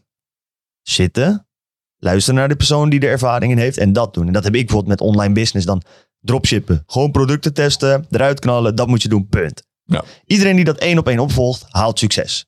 Wat ging Jaro doen? ja, ik ga denk ik zelf dan een product ontwikkelen. Want ik denk dat het wel dikker is. En als het zelf ontwikkeld is, dan als ik dan groot word, dan is het echt mijn product. Dus dan kan ik nog rijker worden. Allemaal dingen had ik bedacht. En het werkt voor geen fluit, want ik had helemaal geen ervaring. Ja. Dus dat is een tip. Volg advies ook gewoon nou, bijna één op één op. Zeker als beginner. Want je hebt Ja. nog helemaal geen idee hoe je dingen beter maakt. Ja. Ja, en daarna, dat is een- dat is een hele goeie. Als ik kijk naar mijn leven, ja, waardoor het zo langzaam ging. Het kon allemaal sneller. Dan was het eh, gelijk al eigenwijs zijn. Ik vind dat een goede eigenschap om, om ja, je eigen wijsheid eh, te, te, te hebben. Maar ja, als je in fase 1 zit, zeker 100% gewoon gaan modelleren. En wanneer je bij eh, ja, fase 10 bent, ja, zeker wel alles op je eigen manier doen. Want ik luister naar mijn coaches. ehm, maar ik neem niet alles 100% van hun eh, aan. Want, want niemand heeft de wijsheid eh, in pacht dat, ze- dat ze het allemaal perfect eh, doen. Dus eh, wel goed blijven, blijven nadenken over jezelf. Ja. Ja. Dus dat eerst doen totdat je ongeveer even goed bent. Of totdat je het onder controle hebt. En dan het moment van, nu weet ik genoeg en dan ga ik zelf kijken. Wanneer is dat moment dan? Bijvoorbeeld, je moet eerst lessen nemen om te kunnen vliegen. Ja. Voordat je gaat zeggen, ja, ik weet wel hoe ik moet vliegen. Ja. het Let's niet go. eindigen. Ja. Snap je? Of hele- in een helikopter zitten. Ja. Maar daar gaan we het zo meteen nog over hebben. Ja, ja dus, dus ehm, eh, blijf goed nadenken. eh, blijf kritisch. Maar, maar, maar zeg dat ook gewoon. Ja, waarom doe je dit dan? Eh, niet in, in, in twijfel trekken, maar gewoon vragen om. om eh, misschien kan het beter. Dan gaan zij erover nadenken. Dus wees kritisch, eigenwijs. Ehm, maar vooral in de beginfase volg, volg het goed op. Ja. Ja. Hmm. Oké, wat dus eigenlijk dus als iemand, eh, want daar begonnen we hiermee natuurlijk, als iemand nog niet echt netwerk heeft of eh, vermogen, dan kan je gaan deal sourcen. Daar leer je een heleboel door. En volgens mij verdien je er ook nog wel gewoon goed mee als je goede deals, want je krijgt een percentage op de deals. Ehm, nou, dan heb je dat gedaan. Voor veel mensen gaat dat alsnog een afhaakpunt zijn, want dan moeten ze ineens echt iets gaan doen aan hun eigen succes. Dat is best spannend. Als ze dat dan hebben gedaan, ehm, hoe ja, hoe die eerste stappen, waar, hoe kunnen ze die het best nemen? Want, want dat is gewoon wat je net al zei, gewoon die Facebookgroep ingaan en eh, gas geven. Of, of zijn er nog extra tips die je daarvoor hebt? Of denk je dat wijst zich dan vanzelf wel? ja, als je die basis hebt gelegd, dan kun je naar de volgende fase. Dus je hebt met, met die personen ge- eh, samengewerkt, je weet wat. Ja, dan zou je dus naar eh, evenementen kunnen gaan. Vastgoedevenementen. Wij organiseren evenementen eh, waar, waar 50 man komt en waar 400 man eh, komt. Ja, dan ga je tussen de mensen begeven die al hebben bereikt wat jij wil bereiken. Nou, weer een tip die ik wil meegeven. Je wordt het gemiddelde van de vijf mensen waar het meest mee omgaat. Ga je met heel veel fitte mensen om in een sportschool, word je ook zo. Ga je met allemaal vermogende vastgoedbeleggers om, word jij ook zo. Ja. Dat, dat, dat heb ik echt gemerkt. Ik had een netwerk met alleen maar grote, succesvolle vastgoedbeleggers. Ja, daar leer je zo fucking veel van. Mhm. Ja. En ga je om met alleen maar op de bank zittende blowers, ga je ook de andere kant op. Dus Zeker. het heeft ook een negatieve uitwerking. Ja. Dat is ook wij met de lotgenoten. Dat is het doel dat we hebben. Heel veel mensen hebben dat netwerk in het begin niet. En als wij dat online kunnen bieden, doordat je naar mensen kunt luisteren die net zoals jij denken. En het uiteindelijk ook bijvoorbeeld op evenementen inderdaad kunt meemaken. Dan eh, denk ik dat dat heel sterk is. Maar dat hebben we ook gezien, toch? Ons Zeker. laatste evenement was vorige week. Om eindelijk die ondernemers allemaal bij elkaar te brengen. En dat je ook sommige jongens ziet van, hé hey, luister. Door jullie podcast ben ik ook begonnen met ondernemen. En dan hebben we een paar sprekers. En de ene spreekt over hoe je een bedrijf schaalt van 0 euro naar een miljoen. Dus echt van begin tot het eind. En dan weer gaat verkopen. Of iemand die dan praat over gezondheid. En niet normaal van, oké, je moet gewoon acht uur slapen op een dag. Maar die zegt van, oké, luister. Je bent al hoog aan presteren. Hoe ga je overpresteren zonder dat je naar een burn-out gaat toewerken? En uiteindelijk kreeg ik ook heel veel reacties van, van de jongens die daar waren. Van luister, dit is gewoon weer next level. Mensen krijgen normaal gewoon school. Die krijgen wiskunde op school. En dit is gewoon weer dat tikkeltje wat je normaal niet in het dagelijks leven ziet.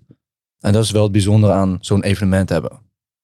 Ja, en als ik dus op zo'n evenement ben en ik ga dan dus netwerken. Nou, ik netwerk dus met eh, de hoogste politicus eh, van Nederland, Wiebre van Hagen bijvoorbeeld. Ging ik een terrasje mee, eh, mee pakken. Eh, en die heb ik dan hoog in aanzien, omdat die, ja, die hebben bijvoorbeeld 150 eh, panden. En ehm, nou, hopelijk wordt hij ook nog de baas van Nederland, zou helemaal mooi zijn. Eh, maar dan spreekt die gast. dan spreken we vijf minuten en is hij onder de indruk van wat ik ehm, als, als persoon, dus niet wat ik heb bereikt, maar hoe ik me als persoon heb ontwikkeld. Eh, daar, daar gaat je scan op aan. Hè? Van, van eh, lul je uit je nek eh, of, of, of ben je een betrouwbare gast en, en ehm, heb je wat levenservaring. Ik heb geleerd, als je, als je naar je levenswiel kijkt, dus dus dat is een rondje waarin je je score opgeeft van hoe je, hoe je in het leven staat. Dus ehm, een paar jaar geleden ging ik naar ja, een held van mij, Tony Robbins, toe. Ehm, en toen werd mij gevraagd van, hoe scoor jij op alle vlakken? Nou, qua gezondheid, ik, ik, eh, ik was gespierd, had een sixpack, dus ik kon opschrijven een 10. Maar ik liep tegen een burn-out aan, omdat ik eh, 70 uur per week werkte. Dus als ik eerlijk naar mezelf was, was mijn gezondheid een 6. Hmm. Goede fysiek, maar mentaal, wat dus ook met lichaam te maken heeft, was, was, was zwak. Want ik was gewoon keihard aan het rennen in mijn bedrijf. Dus ik schreef op een 6. Geld, ik kon net Tony Robbins konk eh, eh, betalen. Want ik eh, was alleen maar aan het investeren in mijn bedrijf. Ja, dus, dus dat was het goedmakertje. Nee, joh, ik heb een succesvol bedrijf. Ik ben gewoon fucking veel aan het investeren. Daarom heb ik bijna geen geld op mijn rekening. Oftewel eerlijk, ehm, ik had een kut situatie. Want ik had geen geld op mijn rekening. Dus, dus ik schreef op een, een, een 4 op geld. Hmm. Eh, qua relaties. Relatie met mijn vader, met mijn moeder, eh, eh, met, met mijn vrouw. Alles als kut. Dus ik schreef op een, een 3 op, op relaties. Zo ging dat hele rondje. Ging. Eigenlijk had, ik- ehm, ja, best, best wel wat voldoendes. Maar de meeste waren op een 3 of zo. Dus ik had geen mooi rondje. Maar alles was extreem. Zoals zes dagen per week sporten. Ehm, ja, die wilde ik eigenlijk een 10 geven. Maar, maar op mijn relatie zat ik bijvoorbeeld een 3. dus dan heb je gewoon geen goed rondje. En wat ik zie bij ervaren, eh, bij succesvolle mensen, die echt succesvol zijn, dus, dus eh, mensen van 50 met veel levenservaring, die, die gaan jou daarop scannen van, heb jij het goed voor elkaar qua eh, relatie? Ben je al drie keer gescheiden of niet? Heb jij een goede relatie met je kinderen? Eh, heb jij een goed eh, lichaam? Heb je een goed vermogen opgebouwd? Hoe ben je spiritueel? Sta, je, sta je daar ook voor, eh, voor open? Op alle facetten, als je daar een zeventje op scoort, ben je al, al beter dan 99% van, van, van, van de wereld. Want bijna niemand heeft dat op orde. En daar ben ik mij dus op gaan focussen. Daar een goede balans in te krijgen. Want de meeste mensen zijn gewoon fucking goed in één ding. En verneuken daardoor de rest. Denk je niet dat juist mensen die 18, 20, 22 zijn, juist even in die kutte situatie moeten zitten, keihard moeten strijden om een bedrijf op te richten, dan in die periode niet gelukkig zijn met hun leven, omdat ze hun doelen nog helemaal niet hebben bereikt. Misschien zijn ze nog niet eens begonnen aan hun doelen werken.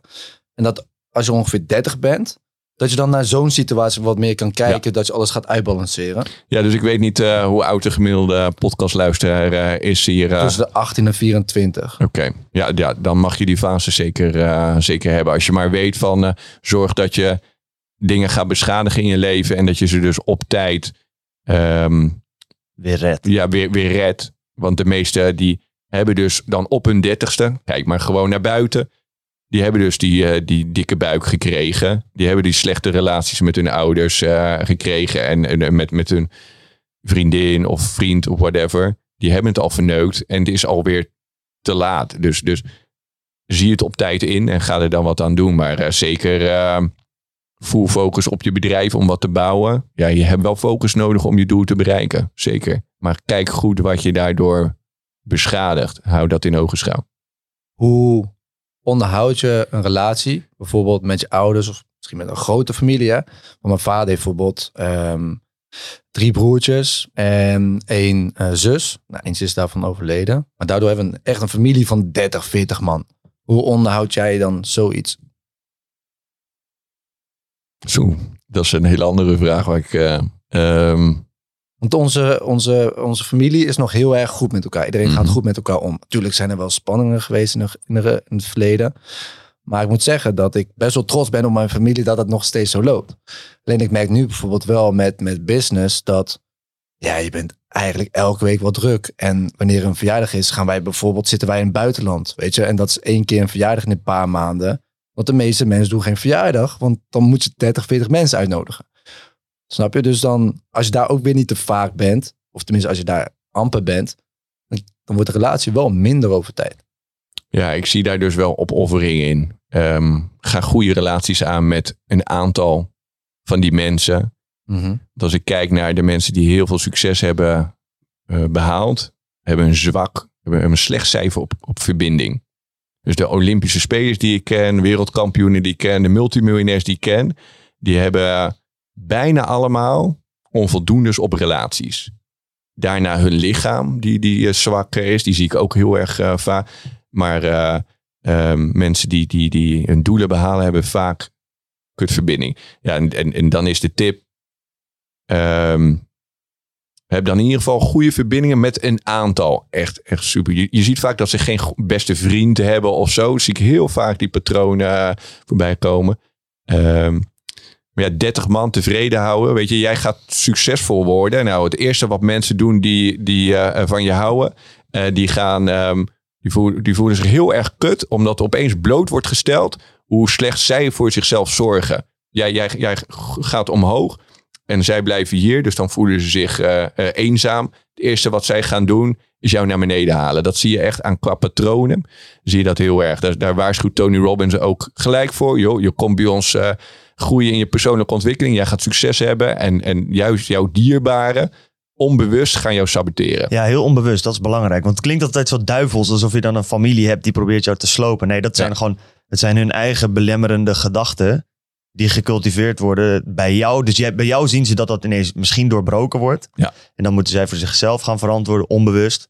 Waarom bij jou het eigenlijk ook niet kan. Ja. En dat gaan ze naar jou uit. En er komt nog meer spanning in, omdat als jij stappen maakt, de eerste wie jij wil redden, zijn je ouders.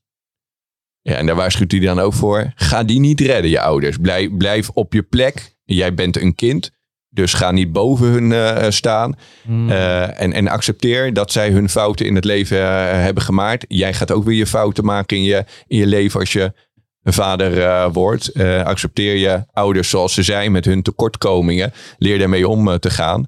Ehm, ja, dat zijn interessante dingen. Waar ik kan me voorstellen, de, de, de, jonge podcaster, ja, kan, kan het wat te vroeg zijn. Dus wanneer jullie het Ja. weer over vastgoed willen hebben, hoor ik het wel. Ja, ik, ik vind dit wel.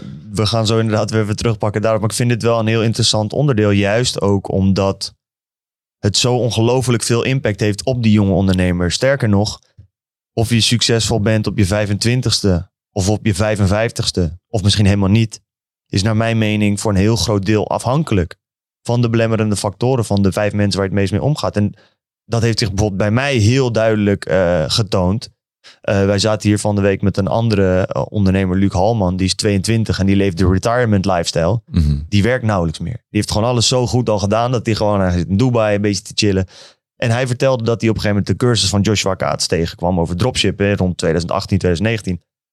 500 euro. Hij belt zijn broer. En zijn broer zegt, ja, wat is 500 euro op een mensenleven? Luister, denk aan de upside die deze kans heeft. Ga het doen. Let's go. Weet je wat? Dit is, kan jouw stap uit de matrix zijn, zeg maar. Van ga dat doen.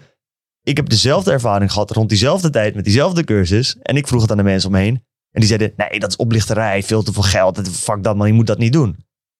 Hij is nu waar hij is. Was ik anderhalf, twee jaar eerder begonnen, was ik misschien ook ergens anders geweest, snap je? Dus dat, die impact daarvan kan groot zijn. Zeker. Dus dat is wel goed, ook juist op jonge leeftijd, om je daar gewaar van te worden. Van, hey, zijn andermans belemmerende gedachten en overtuigingen mij niet in de weg aan het Ja, zitten? dus twee dingen. Kijk goed naar de mensen om je heen en wees daar super streng op. En hier krijg ik echt heel veel mensen vaak eh, die, die over mij heen vallen. Je gaat toch niet, eh, voel je je beter dan anderen en je gaat toch niet zomaar je beste vriend eh, de deur wijzen. Ehm, maar ja, zie het als zelfbescherming voor jezelf. Ik kijk geen televisie, ik luister niet naar de radio, want het geeft me allemaal shit. Ik wil geen shit in mijn hersenen. Ik, ik wil mensen die inspiratie geven voor mij, eh, eh, die verder zijn dan, dan ik. Dus ja, ik ben eh, daar keihard in. Ja. Maar toch ja, praten mensen niet negatief over mij. Omdat ze merken dat ik, als ik afscheid van ze neem, ja, ik leg het uit en ik heb zuivere intenties. Ik doe het oprecht. En, ze, en de meesten snappen mij ook gewoon. Ben jij van mening ook dat je dan echt voor dat je echt afscheid moet nemen als in ik heb geen contact meer met je niks? Want ik merk dat ik ook mensen heb waarbij ik zoiets heb van ik zie je nog eens in de zoveel maanden en dan staan we op een feestje, drinken we een biertje en dan neem ik bewust de keuze. Ik ga het niet hebben over business, niet over mindset, over dat soort dingen, maar over voetbal, de bokswedstrijd die we laatst gezien hebben en dan hebben we het gewoon daarover en dat is die avond ook prima. Dan heb, dat is een soort van de middenweg die ik heb. Van, Ik ga Mhm. niet tegen mensen zeggen, wil je nooit meer zien, want ik vind ze ook gezellig.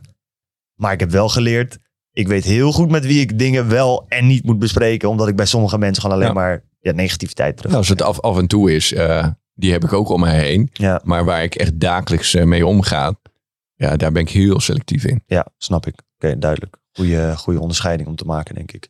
Ik heb ook gemerkt dat een grote limiterende factor voor mij was, waren mijn ouders. En dat is ook heel erg onbewust geweest. Maar toen ik, denk nu is het alweer vijf maanden geleden, echt uit huis ging, merk ik ook qua mindset dat het ook veel makkelijker is om verder te groeien. Waar ik voorheen bijvoorbeeld eh monk mode ging doen. En dat betekent dat je elke dag gaat mediteren, elke dag koud douche gaat doen, elke dag gaat sporten en geen porno gaat kijken, dat soort dingen. Dat je ouders in één keer zeggen van, nou, luister, je hoeft toch niet elke dag te gaan sporten? Mhm. Of je hoeft toch geen koude douche te nemen? Weet je, zulke dingetjes. Of je hoeft toch niet altijd gezond te eten? Hey, we eten op vrijdag pizza, kom lekker pizza eten. Ja. Of dat, ze, dat je dan s'avonds thuis komt, heb je twaalf uur lang gewerkt en hebben ze de televisie aanstaan. Wat je net ook zei, ik weet bij mezelf, het is rotzooi.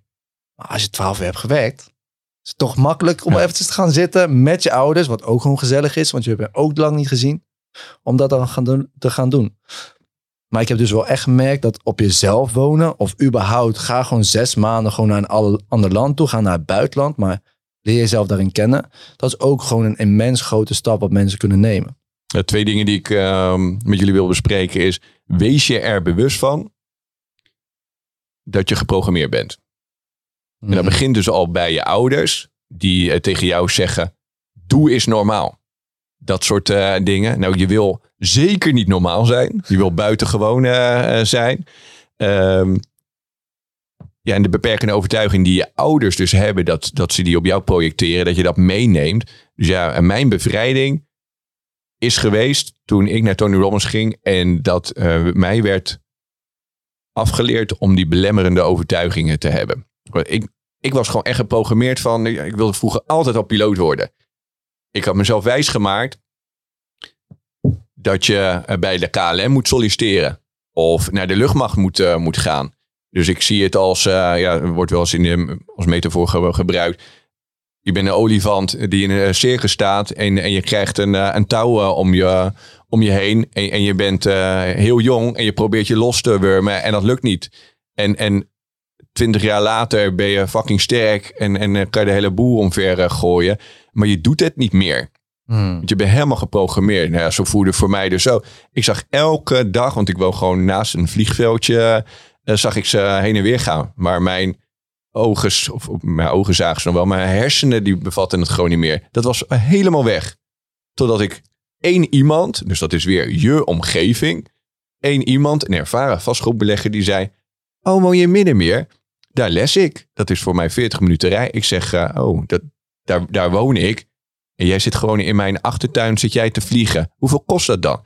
Hij zegt, eh, nou, tussen, tussen de 12 en de 20.000 euro eh, kun, je, kun je wel... eh, ehm, toen dacht ik van, hey, weet je hoeveel mensen er voor, voor dat bedrag een tweedehands auto kopen?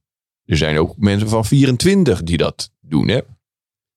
Dus ehm, zo laagdrempelig kan het al zijn om, om, om je instap vliegbuffet te, halen. En toen ben ik dat gelijk gaan doen. En, en nu ben je next level. Hè? Mijn helikopterbuffet kost 55.000 euro. Maar daar ben ik in gegroeid in de afgelopen vier jaar. Toen, want ik dacht gewoon, fucking, ik wil, wil vliegbuffet. Ik, ik wilde eigenlijk eh, helikopterpiloot worden. En nou, nou ben ik daar gewoon mee bezig. Ja. En dat geeft misschien ook zelfs in je business en zo weer een soort van nieuwe doelen ook. Oké, we moeten 55.000 euro wil ik verdienen. Ik weet dat het mogelijk is. Dan gaan we nog meer gas geven. Dus dan heeft het ook nog in andere facetten ook nog eens een positieve uitwerking, zeg maar. Maar ja, ik gebruik het ook weer, want zo kon ik het eh, richting mijn accountant en mijn collega's ook verantwoorden. Vastgoed is het middel. Wat ik eigenlijk wil, wil nastreven is het vrije leven. Eh, niet, niet maar eh, constant 70 uur in mijn bedrijf eh, werken. en, niet bij mijn kinderen zijn. Waarom ben ik vader geworden? Toch niet om, om, om te zeggen op hun achttiende van... ja, papa heeft keihard voor jullie gewerkt en, en nu, en nu hier heb je een ton of zo. Nee, je wil gewoon, als je op vakantie bent genieten met je kinderen in plaats van, want dat had ik namelijk, mijn laptopje weer mee en dan ging ik fucking werken op vakantie. Dus dat is vastgoed, dat is mijn middel om financieel vrij te worden, net zoals mijn bedrijf. Ja, de- dan de meeste vergeten, daar heb ik dan ook eh, met succesvolle ondernemers over die in het vastgoed zitten. Ja, Thierry, je bent een van de weinigen die ook echt dat vrije leven eh, pakt. En jij bent ook gewoon ehm, ja, 20 uur per week max aan het werk en je bent aan het vliegen. Want dat wilde je altijd. Dat, dat, dat middel eh, heeft het, daar, daarmee is het gelukt. Maar jij pakt het ook gewoon op je 38ste. Ja, en, ja, en daar, daar wil je dan ook weer mensen in, in, in inspireren. Dat vind ik super gaaf. Cool. Wat, wat ik bij jou zie, dat vind ik best wel interessant, is je stelt je een bepaald doel. Bijvoorbeeld 12 vastgoedpanden, of je wilt leren vliegen, of helikopterbuffet. En daardoor moet je een aantal stappen nemen, persoonlijk, die ervoor zorgen dus dat je gaat groeien. En om te gaan groeien moet je dus dingen gaan implementeren. En je kijkt dus naar de juiste persoon, bijvoorbeeld een Tibor, om zulke dingen te gaan implementeren. Dus je hebt ook een reden om dat te gaan doen. En ik vroeg je eerder van inderdaad van, je hebt een bepaald model nodig hè van mensen die iets goeds doen. En dan wordt het makkelijker voor jou om datgene ook te gaan doen. De reden waarom dus zoveel mensen alsnog niet hetgene doen wat ze moeten doen, is eigenlijk le- letterlijk van ze mo- moeten geforceerd worden om het te gaan doen. Dus ze moeten eigenlijk geen keuze hebben. Is dat ook iets waarvan jij zegt van nou, dat klopt helemaal? Zeker, zo heb ik dat met die 12 panden aangepakt. Eh, hou me er maar accountable, schelp er maar uit als ik het niet... Want er waren gewoon twee bij de handen die zeiden... Als het jou niet lukt, 12 panden, dan neem ik jou echt niet serieus. En dan verwacht ik dat je je Facebookgroep eh opheft, terwijl er 6000 m- mensen in zitten. Zo, zo harde opmerking kreeg ik. Maar ja, ik ben daar be- best wel masochistisch in. Ik denk gewoon, joh, fucker, alleen maar om, om jou te, te, te, te pesten, ga, ga ik het ook redden? Ook zeker weten. Eh, ik krijg daar alleen maar brandstof eh, van. Dus dat, dat was één. Ja, ik, ik kwam in mijn klasje met, eh, om in mijn vliegbuffet, om mijn vliegbuffet te halen. De theorie, zes vakken, ging over natuurkunde en wiskunde. Ja, ik heb mijn mbo niet afgemaakt. ik heb helemaal niks met natuurkunde en wiskunde.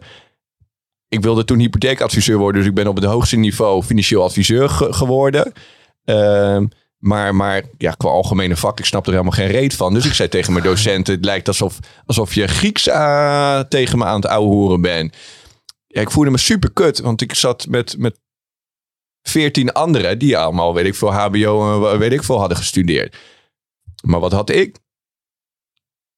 Ik had tijd, want eh, ik was uit mijn bedrijf, eh, dus ik had 20 uur per week eh, ehm, had ik aan tijd gecreëerd, wat niemand had. Dus dat was mijn asset. En ik had zoiets van, ja, fuck you, eh, met, met altijd maar zeggen van, ja, ik heb geen tijd om eh, naar de sportschool te gaan. Ik heb, ik heb geen tijd om te studeren. Die hoor ik van zoveel mensen. Dus ik dacht, nou, waar ga ik? Ik wil waardevol zijn voor mezelf en voor anderen. Waar ga ik heel veel in investeren? En tijd voor mezelf creëren. En een miljoen kun je verliezen en kun je weer ver- verdienen. Maar tijd kan je niet meer goed maken. Die ben je gewoon kwijt. Dus ik ga mijn belangrijkste iets ga, die, die ga creëren. Tijd.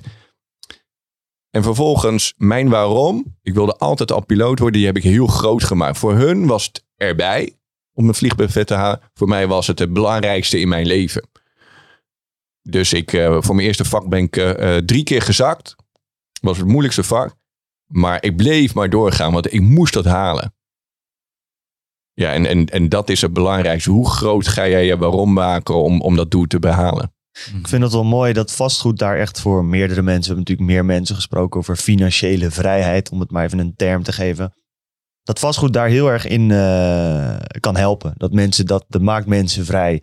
Ehm, is dat voor jou ook altijd al geweest van ja, vastgoed gaat mij vrijmaken? Of, of hoe is dat ontstaan, die droom? Want je hebt natuurlijk ook mensen die andere dingen doen die hun misschien financieel vrijmaken. Misschien zegt iemand van ja, ik ga een bedrijf bouwen en ik wil het voor een miljard verkopen. En dan kan ik ook, ben ik ook financieel vrij, want ik krijg het toch niet op. Ja, ja dat vastgoed is, is, is toeval geworden, eh, ja, geworden. Want ik liep stage. En het ging niet goed op school. Ik had helemaal niks met school en het schoolsysteem. Nu nog steeds niet echt. Ehm, dus, dus ik kapte In mijn laatste jaar met de MBO eh, eh, ICT deed ik, want ik wist niet wat ik wilde worden. Ja, dan ga je maar IT studeren, was eh, in mijn eh, tijd eh, toen ik eh, rond de twintig was. Toen ging ik maar naar mijn vader toe. Die, die had een eh hypothekenkantoor en dan ging ik stage lopen. En toen ben ik een vak daar gaan, eh, gaan eh, beoefenen.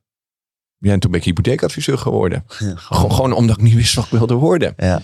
En ja, dat, dat ging me best wel goed af, omdat ik het leuk vind om mensen te helpen. Ik had niet zo heel veel met cijfers, maar ik kon mensen goed helpen en ik kon goed, goed uitleggen.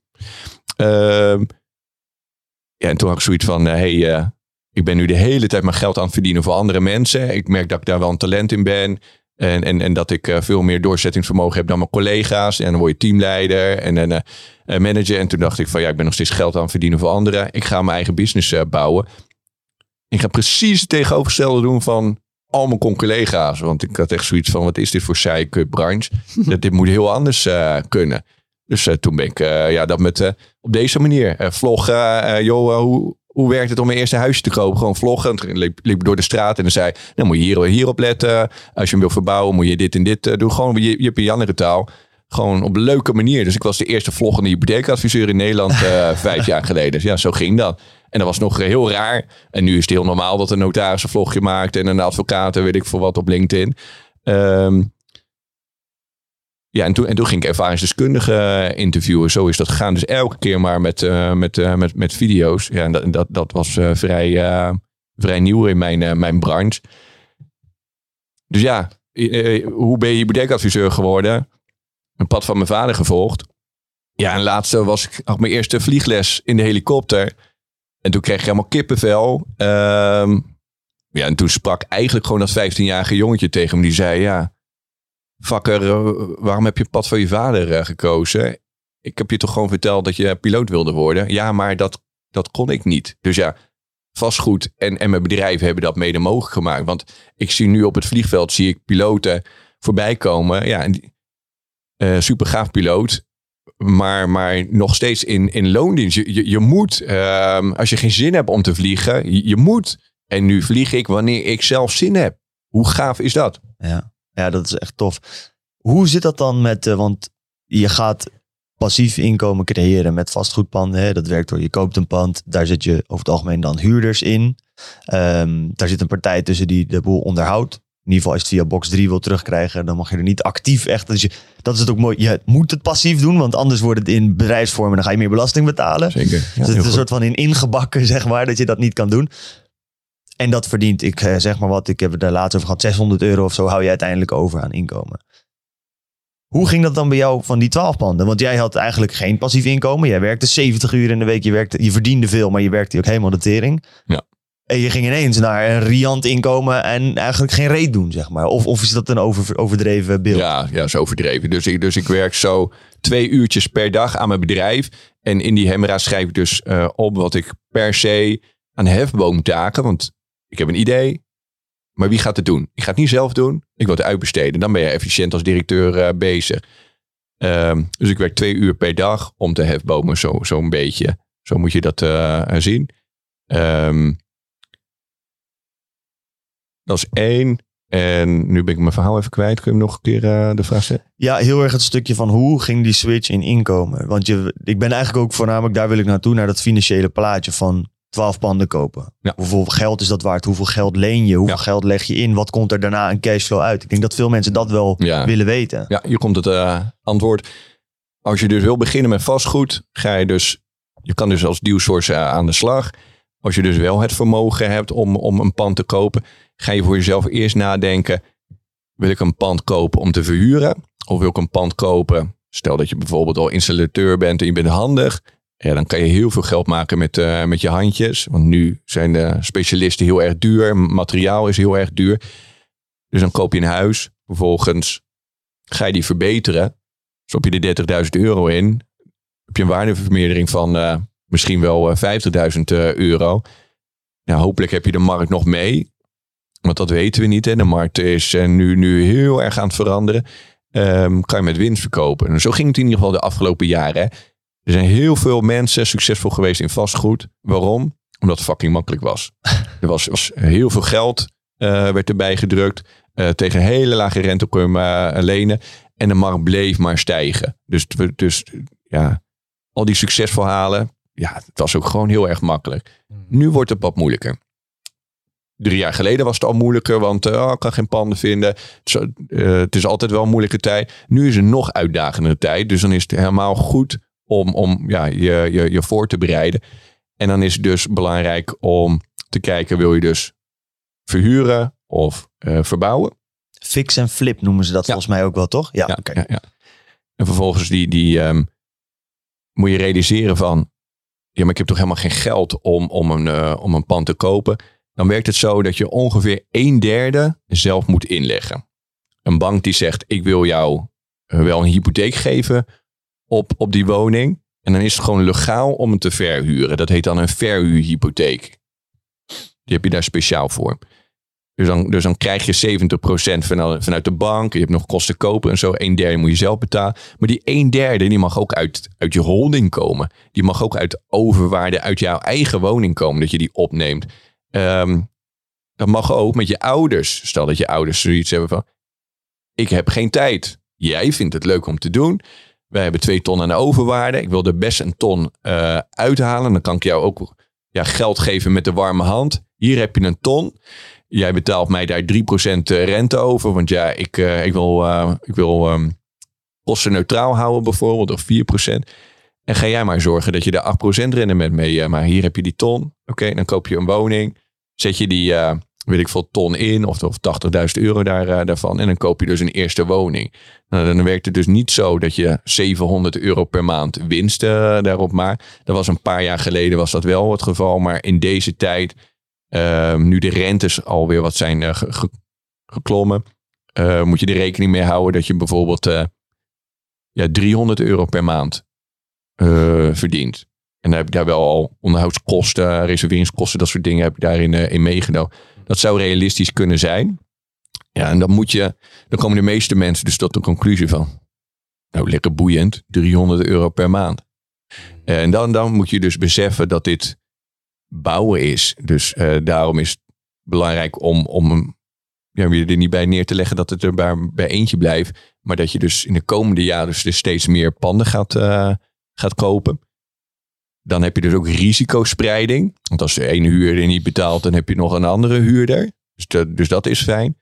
Uh, vervolgens hoop je dus dat je waarde hebt toegevoegd. Je gaat kijken van, kan ik, kan ik nog opbouwen? Kan ik aanbouwen? Kan ik een serra maar Kan ik nog een slaapkamer extra maken? Uh, kan ik, kan ik um, van één hele grote kamer kan ik die opsplitsen in, in wat twee kleinere kamers. Uh, waarbij het niet zielig wordt. Uh, want, want, dat, ja, Geen dat, Amsterdamse praktijken, nee, zeg maar. Nee, het moet wel gewoon gezond blijven. Het moet allemaal volgens de regels. Maar sommige woningen kun je opsplitsen. En dan kun je daar dus heel veel waarde mee creëren. Uh, en zo kun je dus ja, je, je rendement kun je gaan optimaliseren. Dus het is, ja, als je als podcastluisteraar nu zoiets hebt van ik ben best wel bouwkundig onderlegd, ja, dan, dan zou je echt heel veel geld kunnen maken door, door goed te kijken naar, naar panden met het optoppen. Zoals dus, dus een dak opbouwen, het opsplitsen en zo. Daar kun je geld uh, mee, mee maken. Dat is echt heel gaaf. Dus je zegt nu ook al bijvoorbeeld bouwkunde achtergrond. Zijn er mensen met andere soorten achtergrond waarin... Netwerken. Als jij kan netwerken, ja. dat, dat, dat is eigenlijk uh, de, de, nog belangrijker dan bouwkundige inzichten. Als jij goed kan ouwe hoeren, ja. goed ertussen kan komen en, waarde, en leert waardevol te zijn voor andere mensen. Dat heeft ook met netwerken te maken. Dat is de belangrijkste skillset uh, die er uh, is. En, mm -hmm. en ja, snel daarachter, of misschien nog wel de belangrijkste. Nee, ik vind de belangrijkste is netwerken. De tweede is mindset. Ja, Als je een okay. cup mindset hebt, gaat het ook niet werken. Nee. Maar dan heb je bijvoorbeeld ook bouwkunde, wat er dan nog naast komt. En ik zat zelf te denken, bijvoorbeeld commerciële economie, als je, veel, als je makkelijk met economie kan omgaan en zo, zou dat ook nog helpen? helpen. Maar Want ik ken genoeg heel... mensen die gewoon niks hebben gestudeerd. Nee. En bijvoorbeeld, oké, okay, voor netwerk, dat is wel interessant. Uh, een boek wat jou en ik al jaren geleden hebben gelezen. How to Win Friends and Influence People. Zeker. Netwerken. Dat is eigen boek. Netwerken. Als dat de titel netwerk zou zijn, zou het ook precies kloppen. Ja, dus als jij de studie, hoe werkt, hoe werkt de mens, mm -hmm. om maar zo te zeggen, dat, is mijn studie geworden. Dus ik heb, ik heb mijn school niet echt goed afgemaakt zoals de meeste mensen uh, lekker uh, hebben gedaan. Eh, maar ik ben een expert in mensen. Dat, dat heb ik geleerd. De studie, hoe zitten de mensen in elkaar? Eh, ehm, hoe, hoe kun je netwerken? Eh, hoe kan het dat die, die persoon heel veel succes heeft eh, behaald? Ik ben dat gaan, dat is gewoon een studie op zich geworden. En dat is natuurlijk eh, bijvoorbeeld een boek zoals How to Win Friends and Influence People helpt daarbij. Boeken over psychologie. Nou, Tony Robbins heeft het ook heel erg bij geholpen. Kan je bijvoorbeeld nog twee andere boeken opnoemen die ook daarbij helpen om de expert in de mens te worden? Daar komt boekenkast Koen weer. Ik vind dat leuk, ga ik opschrijven. Ja. ja ik ga nu iets heel eh tegendraads zeggen, wat jullie niet willen horen. Is, Uh-oh. komt ie. Ik ben auditief ingesteld. Dus eh, wat jullie nu aan het doen zijn, ik luister alleen maar podcasten.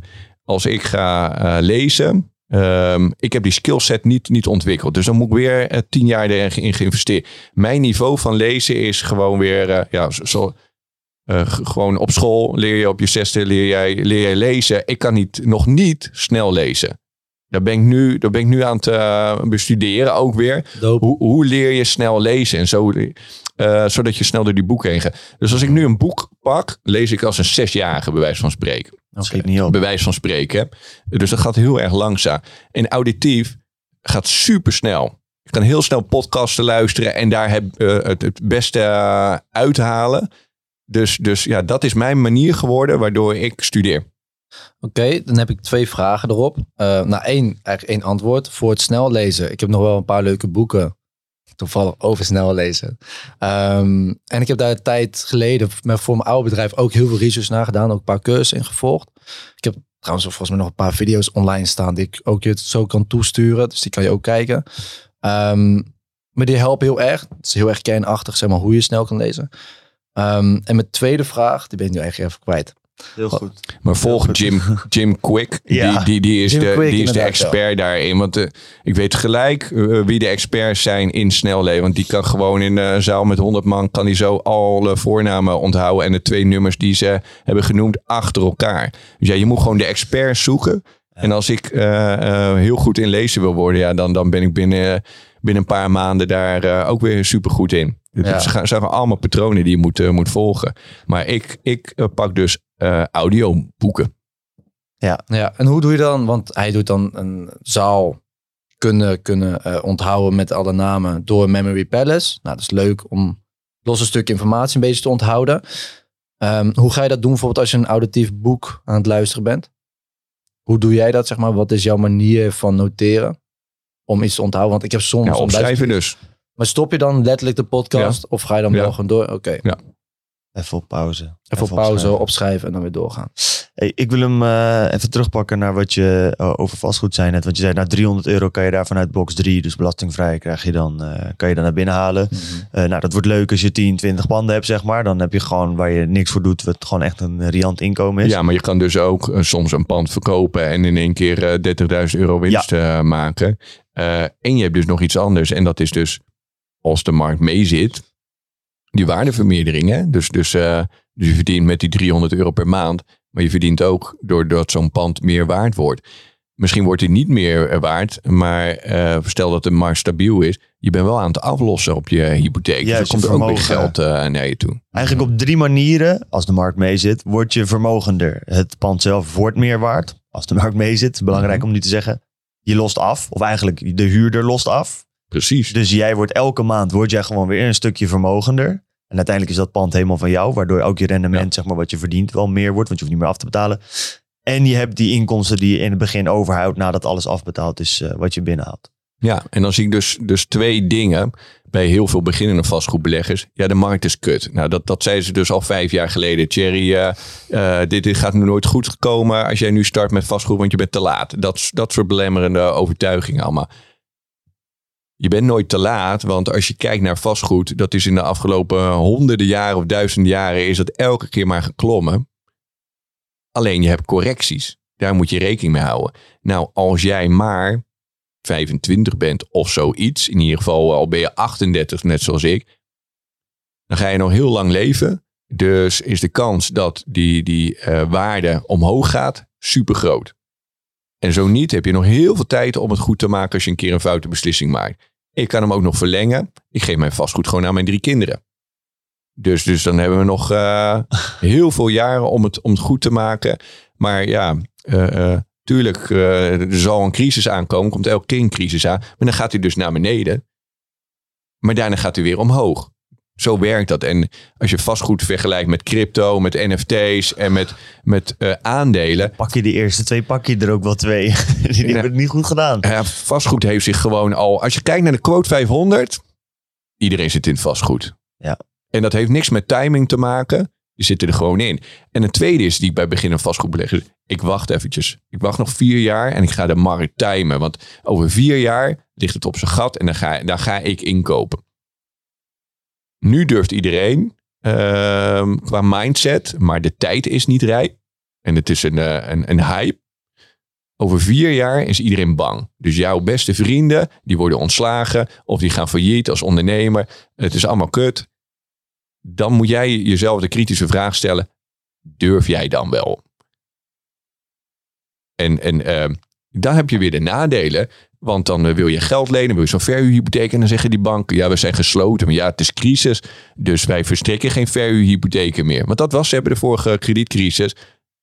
Um, er werden helemaal geen verhuurhypotheken meer uh, verstrekt. Dus er is altijd wel gezeik. Zijn er voordelen, lage prijs, is er wel weer geld onbeschikbaar. Waardoor er weer een nadeel is. Dus dat moet je jezelf beseffen. Er is geen ideale tijd. Ben je dus jong, zorg gewoon dat die boot gaat varen. Uh, jammer dan dat je een redelijke kutaankoop hebt gedaan en had het beter gekund. Je gaat daar wel heel erg veel van uh, leren. Um, dan ben je in ieder geval bezig. Ben je dat netwerk aan het opbouwen? Je, je, je bent vastgoedbelegger. Je zit bij netwerkborrels met mensen te praten die de 30 uh, hebben. Je hoort er gewoon bij. maar ja, het is niet de beste aankoop geweest. Kun je dat, dat accepteer je dan gewoon de kans dat jij daarna een tweede pand koopt in een crisis is een stuk groter. Want je hebt dat netwerk al, je weet al hoe het gaat, je hebt al die fouten gemaakt. Um, en dan koop je dus een beter pand over, uh, weet ik veel, twee jaar en diep in de crisis koop je aan. En dan heb je daar een, een hoger rendement uh, mee. Dus laat los dat het gelijk de eerste, dat dat al gelijk een perfecte deal moet zijn. En dat is ook de reden waarom ik twee, twee maanden uitstelgedrag heb gehaald. Want ik dacht, ja, al mijn kijkers die kijken mee. Ik ga twaalf panden kopen. Uh, ik, ik heb maar, en dit zijn mijn uitgangspunten, daar wilde ik ook nog antwoord op geven. Wat waren jouw uitgangspunten toen je begon? Nou, ik had 170.000 euro aan eigen vermogen, vanuit privé en, en zakelijk. Dat had ik te besteden over 12 panden. Nou, dat is niet heel erg veel, want ik zei net, nee. een derde moet je zelf uh, in, uh, inleggen. Dus dan heb je beperkte middelen. Ik begon aan mijn eerste pand en ik dacht, ja, weet je, dan ben ik al gelijk, uh, weet ik veel, 70, 80.000 euro uh, kwijt. Dit gaat niet goed. Dus ik kwam tot besef, met deze uitgangspunten gaat het niet werken. Dus ik heb ook gezegd, ik heb hulp gevraagd aan makelaars. Die hebben me nu allemaal panden aangeboden. Dus ik ben opeens heel erg waardevol. Want ik kon tegen iedereen zeggen, jullie zo zeiken toch zo dat jullie geen panden kunnen vinden. Kijk, ik heb hier allemaal goede uh, panden. Um, nog lager dan de taxatiewaarde. Ik heb zo, kan zo goed aankopen. Wie wil met mij meedoen? Ja, en, en toen was het dus. Heel veel mensen wilden met mij meedoen omdat ik waardevol. Ik, ik had laten zien dat ik heel waardevol was. Goede mindset. Uh, ik had goede panden gevonden. En, en ik had de deal ook nog interessant gemaakt. Ik had gezegd van als ik een deel van de eigen inleg, dus ik leg bijvoorbeeld um, van die 80.000 euro die je moet inleggen, hè, een derde van de koopsom van een woning. En daar leg ik dan een deel van in en mag ik de rest van jullie lenen. Let op, disclaimer, dit is super gevaarlijk om te doen. Hè? Dus ik was al heel lang een financieel adviseur. Um, ik had al een, een enorm goede business uh, draaien en ik had 170.000 euro. En nu ging ik opeens van andere mensen geld lenen. Mm. Super gevaarlijk om te doen. Vooral als als er een diepe crisis is. Maar ik had dus al een goede basis gelegd. En ik had uitgerekend dat wanneer de markt zou klappen of zo, dat ik zelfs die maandlast nog kon betalen. Dus dat was mijn uitgangspunt. Uh, maar nog steeds met heel weinig eigen geld. Ik ben dat dus gaan lenen. Ik zei van, uh, uh, mag ik een stuk van jullie lenen? Tegen 5% rente. Nou, dan konden ze daar ook nog op verdienen. En, en twee jaar geleden was dat nog een hoge rente. Konden ze daar ook op verdienen. Dan werd ik dus voor 50% eigenaar van zo'n woning. En sommigen zijn zo bij de hand door te, gewoon te zeggen van... hé, hey, ik ben waardevol, want er zijn bijna geen deals. Ik heb hem gevonden. Dat is ook al fucking veel eh, geld eh, waard. Dus ik ga helemaal niks van jou lenen. Ik verwacht gewoon dat je alles aan eigen inleg eh, betaalt. Ehm, ja, dan, dan, maar, maar dan moet je wel echt een bij de hand zijn en heel waardevol eh, zijn. Ik vond mezelf dat nog niet. Dus ik zei van, eh, en ik wil de deal super interessant maken. Ik geef je ook nog 5% eh, rendement erop. En ja, dan wil ik het van je lenen. Ja, en het is mij gelukt om in twee jaar tijd alles wat ik had geleend van, van die mensen op één na, heb ik allemaal terugbetaald. Ik heb nog, ben met vijf mensen gaan samenwerken, van vijf mensen geld geleend. En vier heb ik er afbetaald. Dus, dus dat was mijn uitgangspunt. Dus ik heb echt tonnen in twee jaar zitten afbetalen. dus dat was mijn uitgangspunt. En die mensen die mij dat geld uitleenden, die zagen allemaal jaarcijfers. En die, zagen, die zagen gewoon dat ik dit zo kon, eh, kon terugbetalen. dus dat is de voorsprong die ik wel heb eh, ge- gehad. Dus ik ben mede-eigenaar eh, van... ehm, in, in totaal heb ik er dus 13 gekocht. Of eigenaar van 13 woning. Daarna heb ik na een half jaar een woning verkocht om gelijk heel veel winst te kunnen eh, maken. Die hadden verbouwd. En eh, zo kon gelijk al een samenwerkingspartner eh, terugbetalen. En toen hield, hield ik er nog twaalf over. En van, van die twaalf ben ik er ehm, elf samenwerkingspartner. Dus daardoor heb ik ook niet zoveel winst per maand. Want ik moet het ook nog delen met anderen.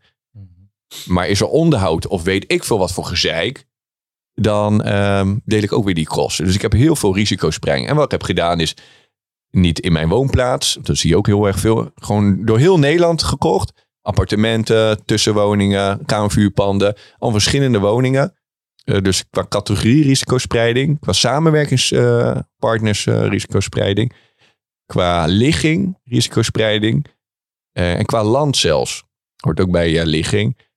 Eh, ik heb er bijvoorbeeld twee in, eh, in eh, Engeland eh, gekocht. Hoor ik veel de laatste tijd. Ja, Mhm. en nu ga ik, ga ik dus, want de markt die is best wel hoog. Dus nu ga ik ehm, waarschijnlijk twee woningen verkopen.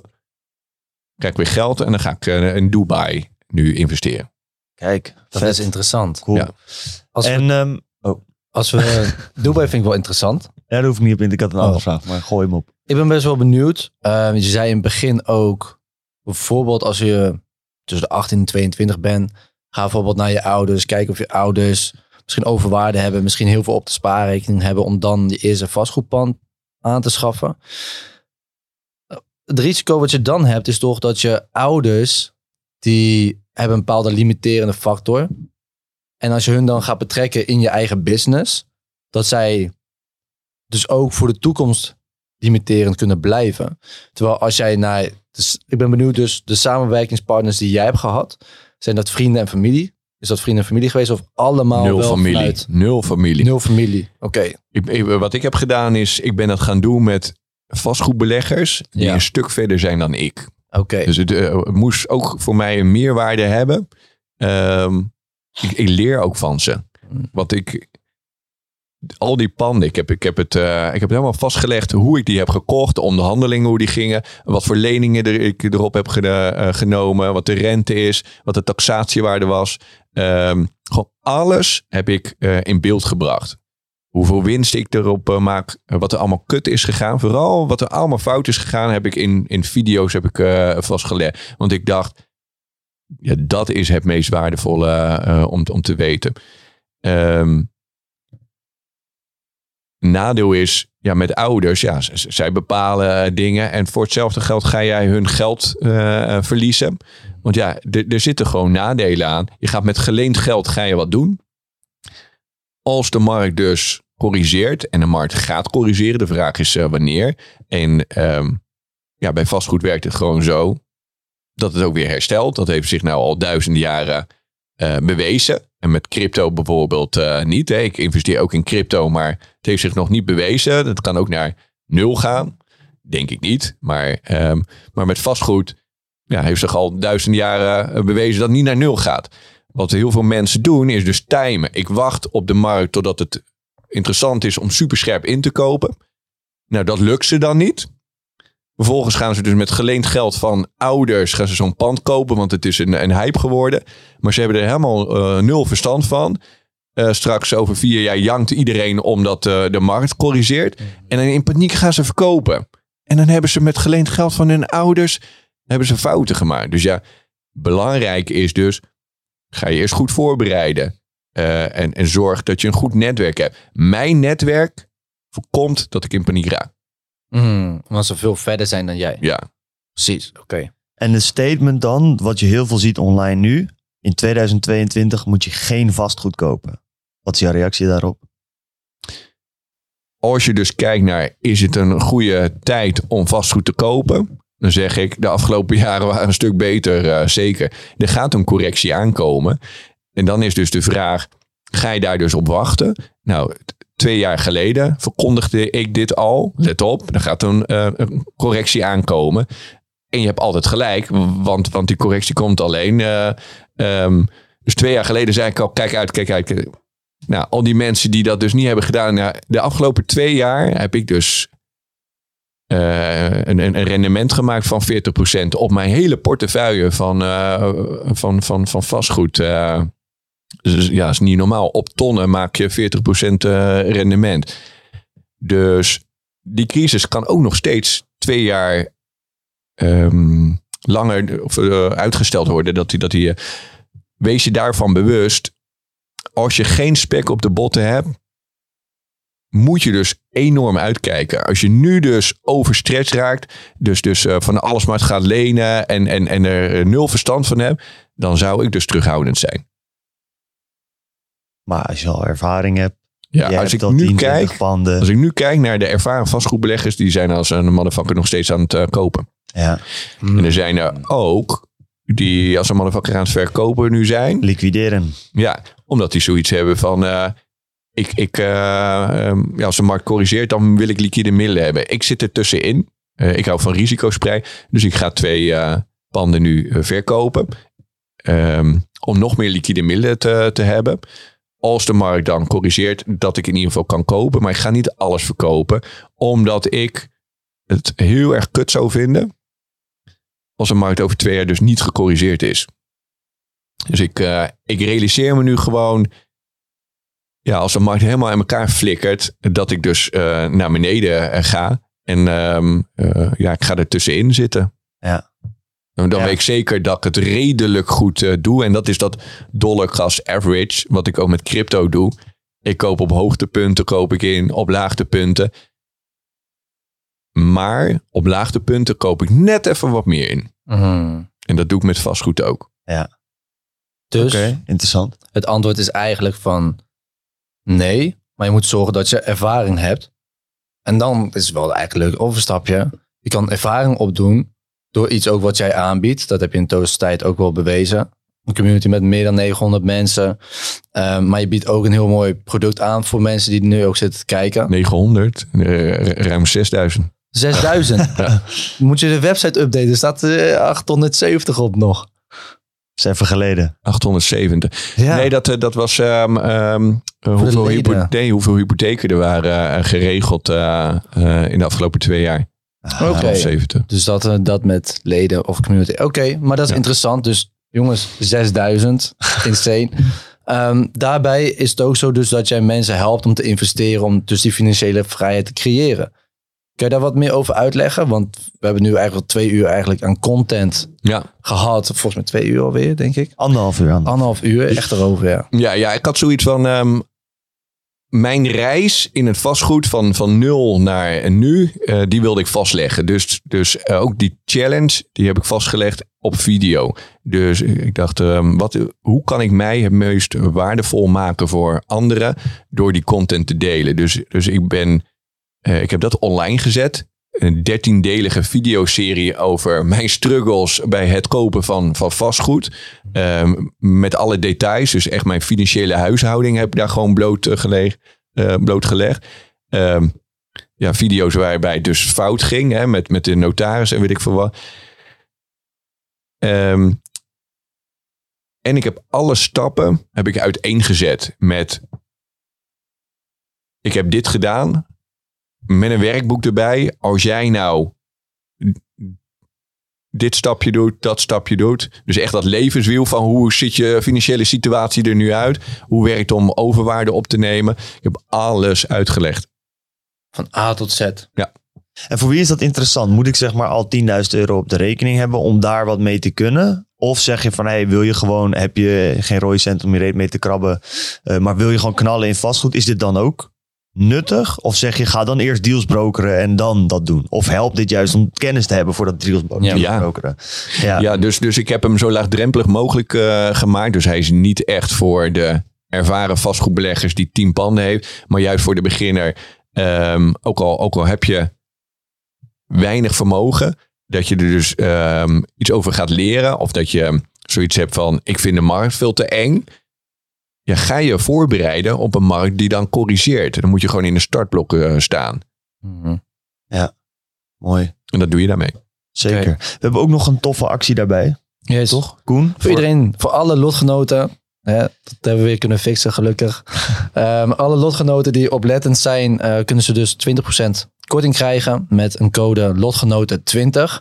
Die jullie op de website kunnen invoeren. We gaan ook even een linkje in de beschrijving neerzetten, zodat jullie gewoon heel makkelijk daar naartoe kunnen gaan. Tof is sowieso dat er al heel veel, een, echt, echt een actiekorting eigenlijk al op zit. Dus voor jullie is het eigenlijk nog extra, extra goedkoop. Korting Ehm, op korting. Kort op, korting op korting. Hè? Dat is eh, Compounding. compound. houden. Cumulatief. Ehm, maar dat is heel erg mooi. Ik moet zeggen, het is echt eh, voor een eh schrijtje. Ik was helemaal geen... zelfs Ja, als je geen rode cent hebt, dan eh, kun je nog...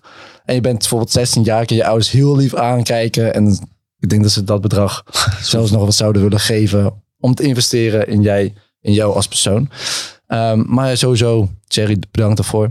Ja. Dat is altijd heel Ja, graag gedaan. Ja, ik had zoiets van, ik wil al mijn, hem, al mijn hebben en houden wil ik in één keer gaan, gaan weggeven. In, in, ehm, in een ja, waardevolle training voor een hele lage prijs, zodat het gewoon heel laagdrempelig is. Ja. Ja, en mijn verdienmodel zit aan de bedrijven daarachter. Dus als iemand begint, dus dat is niet de online training voor, maar begint met, joh, ik ga een pand kopen en ik heb een financiering nodig, een verhuurhypotheek. Ja, daar zijn wij specialist, specialisten in met, met, eh, met elf hypotheekadviseurs. Dus daar zit mijn verdienmodel. Mijn verdienmodel zit als je lid wil worden van de vastgoedcommunity. Je wil die, die eh, eh, 6000 ervaren vastgoedbeleggers wil je, wil je spreken. Ja, wij, wij organiseren netwerkbijeenkomsten eh, met, met, met 400 man tegelijk. Daar zitten we de verdienmodellen in. Waardoor we ja, die, die online training voor, voor jullie zo laagdrempelig eh, mogelijk eh, hebben kunnen maken. Ja, Ja, dat is super Dat is interessant. mooi. Dat is wel mooi. Dat vinden mensen denk ik ook fijn om te zien. Vaak heb je dat coaches hun primaire business is coach zijn. En niet het businessmodel waar ze over praten. Wat jij zegt, jij zit veel meer. Jij, het is niet per se dat soort van vastgoed echt jouw primaire business is. Maar jij hebt wel een bedrijf in hypotheekadviezen en, en al die dingen daarachter. De meeste Ja, mensen ja. vinden dat fijn. Omdat ze dan denken, oké, dus ik word niet gewoon Ja. alleen maar door die cursus heen gebeukt. Nee. Anders kost het wel eh, 997 euro. Ja, dan Ja, krijg je ja, dat soort. eh, dan krijg je ja, dat. Dus ja, de verwachtingen die zet ik nu heel erg hoog voor de, voor de prijs. Maar ja, eh, we, we hebben hem eh, nu al 1400 eh, keren is hij, eh, is hij aangeschaft. We hebben zoveel vertrouwen er zelfs in dat, eh, dat er een niet goed geld teruggarantie op eh, zit. Dus ja, dan, dan, dan heb, loop je er al geen risico meer mee. Kan niet Ja. fout gaan. Cool. Ja. Hey, ik was heel benieuwd nog, daar hebben we het eerder al wel een keertje over gehad, eh, buiten de podcast. Eh, jij had het net over risicospreiding, daar hou je je veel mee bezig. Ik denk dat elke slimme belegger, eh, in welke markt die zich ook bevindt, zich bezighoudt met risicospreiding. Zeker naarmate je meer vermogen opbouwt, wil je dat risico gaan spreiden. De rendementen worden misschien wat lager, maar de zekerheid die je creëert is hoger. Jij hebt ook samengewerkt met een bekende naam in Nederland, eh, ondernemer in Nederland. Of in ieder geval, je hebt hem eh, geïnterviewd ook. Dat is Vasco Rauw. Mhm. Jij vertelde toen een grappig verhaal over hoe hij risicospreiding deed. En hoe hij eigenlijk al een hele grote vastgoedinvesteerder was. Die heel weinig risicospreiding deed. Kan je daar wat meer over vertellen? Want ik vond dat wel interessant. Met Vasco had dus ontmoet bij Tony Robbins. Ja, en hij was eh, toen 32 en hij stond naast me en hij zegt... ja, zo ging het niet helemaal, maar yo, ik heb meer dan 100 panden. En eh, van mij kan je wel wat leren. Ja, dus dat, dat, zo, zo is die reis wel redelijk eh, begonnen. Dat ik dacht van, hé, hey, van hem kan ik wel wat, eh, wat leren. Ik ben net iets ouder dan hem en ik heb nul panden. Ehm, ja, en hij was, hij was al multimiljonair. Dus dat, dat was heel erg gaaf. Dus hij is een van de personen die ik toen ben gaan, gaan interviewen om het te leren. Oh ja, cool, cool. Want wat, hoe zat het ook weer met zijn... Hij heeft volgens mij ooit Hij had heel veel panden, toch? Maar volgens mij had hij heel veel op één locatie of zo. Ja, ja hij, woonde, hij woonde gewoon in Emmen. Ja. Ik vroeg, joh, waar, waar staan al die panden? Ja, bijna allemaal in Emmen. ja. En, en zo zie je het heel erg eh, vaak. Ja. Ja. Gewoon, gewoon bijna geen verstand hebben van vastgoed. Eh, maar hij had een luxe probleem. Eh, joh, ik maak winst in mijn bedrijf. Tientallen duizenden euro's per maand liquide. Ehm, joh, wat zal ik ermee doen? Ja, en toen waren in die tijd waren de panden nog, weet ik veel, anderhalve ton of zo. Ja. Eh, dus, dus dan ging je gewoon achter elkaar ging je kopen. Dan zit je daar verhuurhypotheek op. Ja, een, een derde van die, nou toen was het nog een vierde, want je had veel lage kosten. Een vierde van de anderhalve ton. En kon je best wel snel eh, elke maand eh, panden kopen. Ja. Zo heeft hij dat gedaan. Ja, en, en, en daar heb ik veel van, eh, van geleerd. Ja, zeker. Cool. Maar-. Heeft u dat over tijd ook veranderd? Want ik kan wel begrijpen dat alles in Emmen, dat dat niet heel slim is. Als eh, Emmen onder water loopt, dan is het klaar. Hij heeft twee dingen gedaan. Hij heeft eh, panden verkocht en nieuwe aangekocht in andere gebieden. En hij eh, is toen vol in de aandelen, crypto, ehm, ja, edelmetalen, om maar die risicospreiding aan, aan te brengen. Ja. Ja. Ja. dus hij heeft het, nadat ik hem sprak, niet dat hij dat van mij heeft geleerd, dat heeft hij vooral van Tony Robbins en anderen geleerd. Van, hey kut, eh, ik, zit, eh, ik ben exposed eigenlijk in, in, in alleen maar in vastgoed. Laat ik eh, risicospreiding doen. Ja, mooi. Interessant ook om te zien dat ook juist mensen die al zo ver zijn. Dus dat stukje dat je wil blijven leren. Kijk, je, je hebt mensen die als ze 110 panden hebben, een dikke middelvinger opsteken naar iedereen en zeggen: Ja, wie ben jij nou? Ik heb centen en ik ben dit. Nou, die kunnen over tien jaar misschien als Emmen, wat je zegt, onder water loopt, zijn ze weer zwaar de Sjaak. Willen blijven leren, ook op een hoog niveau, is denk ik eh, key. En dat zie je hierin ook wel weer terug. Ja. Wat zijn de dingen waar jij van zegt van dat is nou iets waar ik de afgelopen twaalf maanden of in 2022 ik ben al ver in mijn journey, maar dit is weer echt iets wat ik had geleerd wat ik eigenlijk niet had verwacht. Oeh, dat is een interessante vraag waar ik te weinig bij stilsta. Dus dat zegt wat Ja. over mij. Ehm, een inzicht die ik... Dus je bedoelt, eh, ik ben iemand tegengekomen en ik ben tot het inzicht gekomen van... eh, Ja, dat kan iemand zijn, het kan een boek zijn, een video, het kan een meditatiesessie zijn, maar iets waar je toch, je bent die succesvolle ondernemer, je bent, dan kan dan ineens iets van, oh kut, ik ben hier al eigenlijk lang van overtuigd. Maar misschien moet ik het eens van met een andere bril gaan bekijken. Nee, ik heb nu een jaar gehad. Ja, dus daar ben ik eerlijk in. Ik heb de afgelopen vier jaar alleen maar zitten leren, leren, leren, leren. Van hoe werkt dat dan? Succesvol zijn. En ik heb, ge- en ik heb vervolgens gebouwd. En om jullie eer- eerlijk te vertellen, heb ik dit jaar gepakt om te oogsten.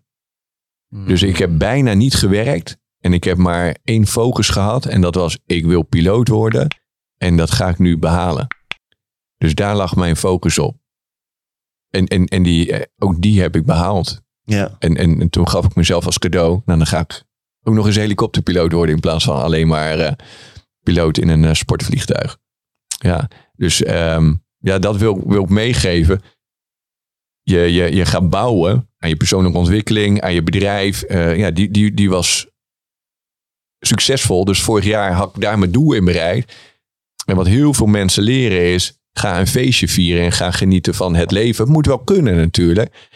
Maar ja, dus ik ben gaan oogsten. Hierna, want je ziet dat mijn eh, jaarcijfers dus in elkaar zijn geflikkerd. Hè? Dus ik had eh, elke keer omzet eh, die verdubbelde en mijn, winst ver- verviervoudigde. Dus dat was echt extreem in de afgelopen drie jaar. Ja, en nu was het dus, mijn omzet en mijn winst is hetzelfde gebleven. Ten opzichte van, dus ik heb het niet, het is niet in elkaar geflikkerd. Maar voor mijn doen is het, is opeens stabiel geworden. Heb ik nog nooit, altijd moesten groeien. Maar ja, ik ben gaan delegeren, dus ik werkte bijna niet meer. En ik ben ehm, ja, gaan doen wat ik als persoon heel graag eh, wilde. Ja, en, en, en dan, dat is mijn inzicht geweest. Dat heb ik nog nooit in mijn leven gedaan. Dat, dat ik zo ben, ben gaan, gaan eh, eh, oogsten van het succes wat ik heb ervaren. En nu ga ik weer bouwen. Maar ja, daardoor ben je wel weer heel inspiratievol. Weet je, ik spreek met de Wiebram en ik zeg... ja, ik ben met mijn helikopterbrevet eh, bezig. En hij denkt alleen maar fucking waardevol. Maar hij, zei- hij zei, ja, daar was ik ook mee bezig, maar ik had geen tijd. Ja. Mhm. Terwijl hij 150 panden heeft en eh, bijna de basis van, eh, van Nederland. dat verklaart ook wel weer een beetje waarom die dan geen tijd had. Ja, Andere keuzes. precies. Ja. Andere keuzes, maar hij, maar hij wel zoiets van, fucker, jij hebt, jij hebt het wel gedaan. Ja. Maar jij kan weer zeggen, fuck, je hebt 150 panden. Zeker. Toch? Ja, ja en eh, nou, daar ben ik wel van overtuigd. Als, als, als ik zijn leeftijd heb, dat ik daar ver voorbij ben. Ja, en daar word ik ook Mm. wel... We hebben nog een kwartiertje, dus dan houden we dat een beetje in de gaten. Dan eh, gaan we er een end aan breien. Je hebt natuurlijk een bedrijf nu. En ik hoor je zeggen, nou, ik heb dat een tijd lang opgebouwd. Ik ben nu misbaar in dat bedrijf. Hè. Dat is een belangrijk onderdeel van eh, succesvol. Vaak als iemand volledig misbaar is in het bedrijf. Het bedrijf haalt jaar op jaar goede winsten. Dan is het best mogelijk dat er iemand aanklopt die zegt... hey, wil je er niet een mooi bedrag voor hebben? Is dat iets waar je ook mee bezig bent? Dat je zegt van misschien wil ik het wel verkopen. Dat geld gebruiken om heel groot passief eigenlijk inkomsten te creëren. En dan eh, alleen maar vliegen, zeg maar. Ja, daar ben ik nu mee bezig. Dus dat is geen toeval. Eh, ik, ik ga nu business angel eh, worden. Dus eh, het bedrijf wordt nu geoptimaliseerd om in de komende jaren. ehm, ja, dus dan word je echt getraind van wat zijn je cijfers? Eh, waar liggen de marges? Als we de marketing zo en zo inzetten, maar hem optimaliseren. Dus meer geld stoppen in, weet ik veel, eh, TikTok, ik noem maar eventjes wat. Omdat we merken dat dat eh, goed converteert. Ja, daar zijn we nu mee bezig. Ik was een ondernemer die, die eh, vol in een business zat. ehm 70 uur per week werken. Vervolgens heb ik het andere uiterste gepakt. Dus ik heb gewoon gezegd tegen al mijn collega's: pak jullie verantwoordelijkheid. Jullie kunnen het, maar zonder mij. Adios. En, en, eh, en ik, ehm, ik ga af en toe wat aansturen. Dus ik heb het nu te losgelaten. En nu word ik weer begeleid om mijn bedrijf te optimaliseren. Ja, om het voor, voor 3 miljoen eh, te gaan verkopen. Ja, en dan, ehm, ja, met dat geld, ja, kun je, kun je echt grote klappers eh, maken. Ja, en dan ga ik dus weer risico spreiden. Een stukje in crypto, een stukje in edelmetalen, een stukje in, in eh, vastgoed.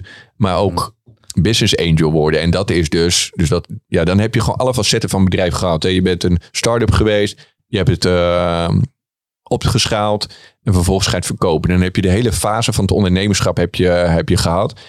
Ehm, ja, en dan kun je dus jonge ondernemers kun je zeggen van, joh, ik wil wel een ton investeren in jouw bedrijf. En dan ga ik je elke week ga ik je coachen met de kennis die je hebt opgedaan.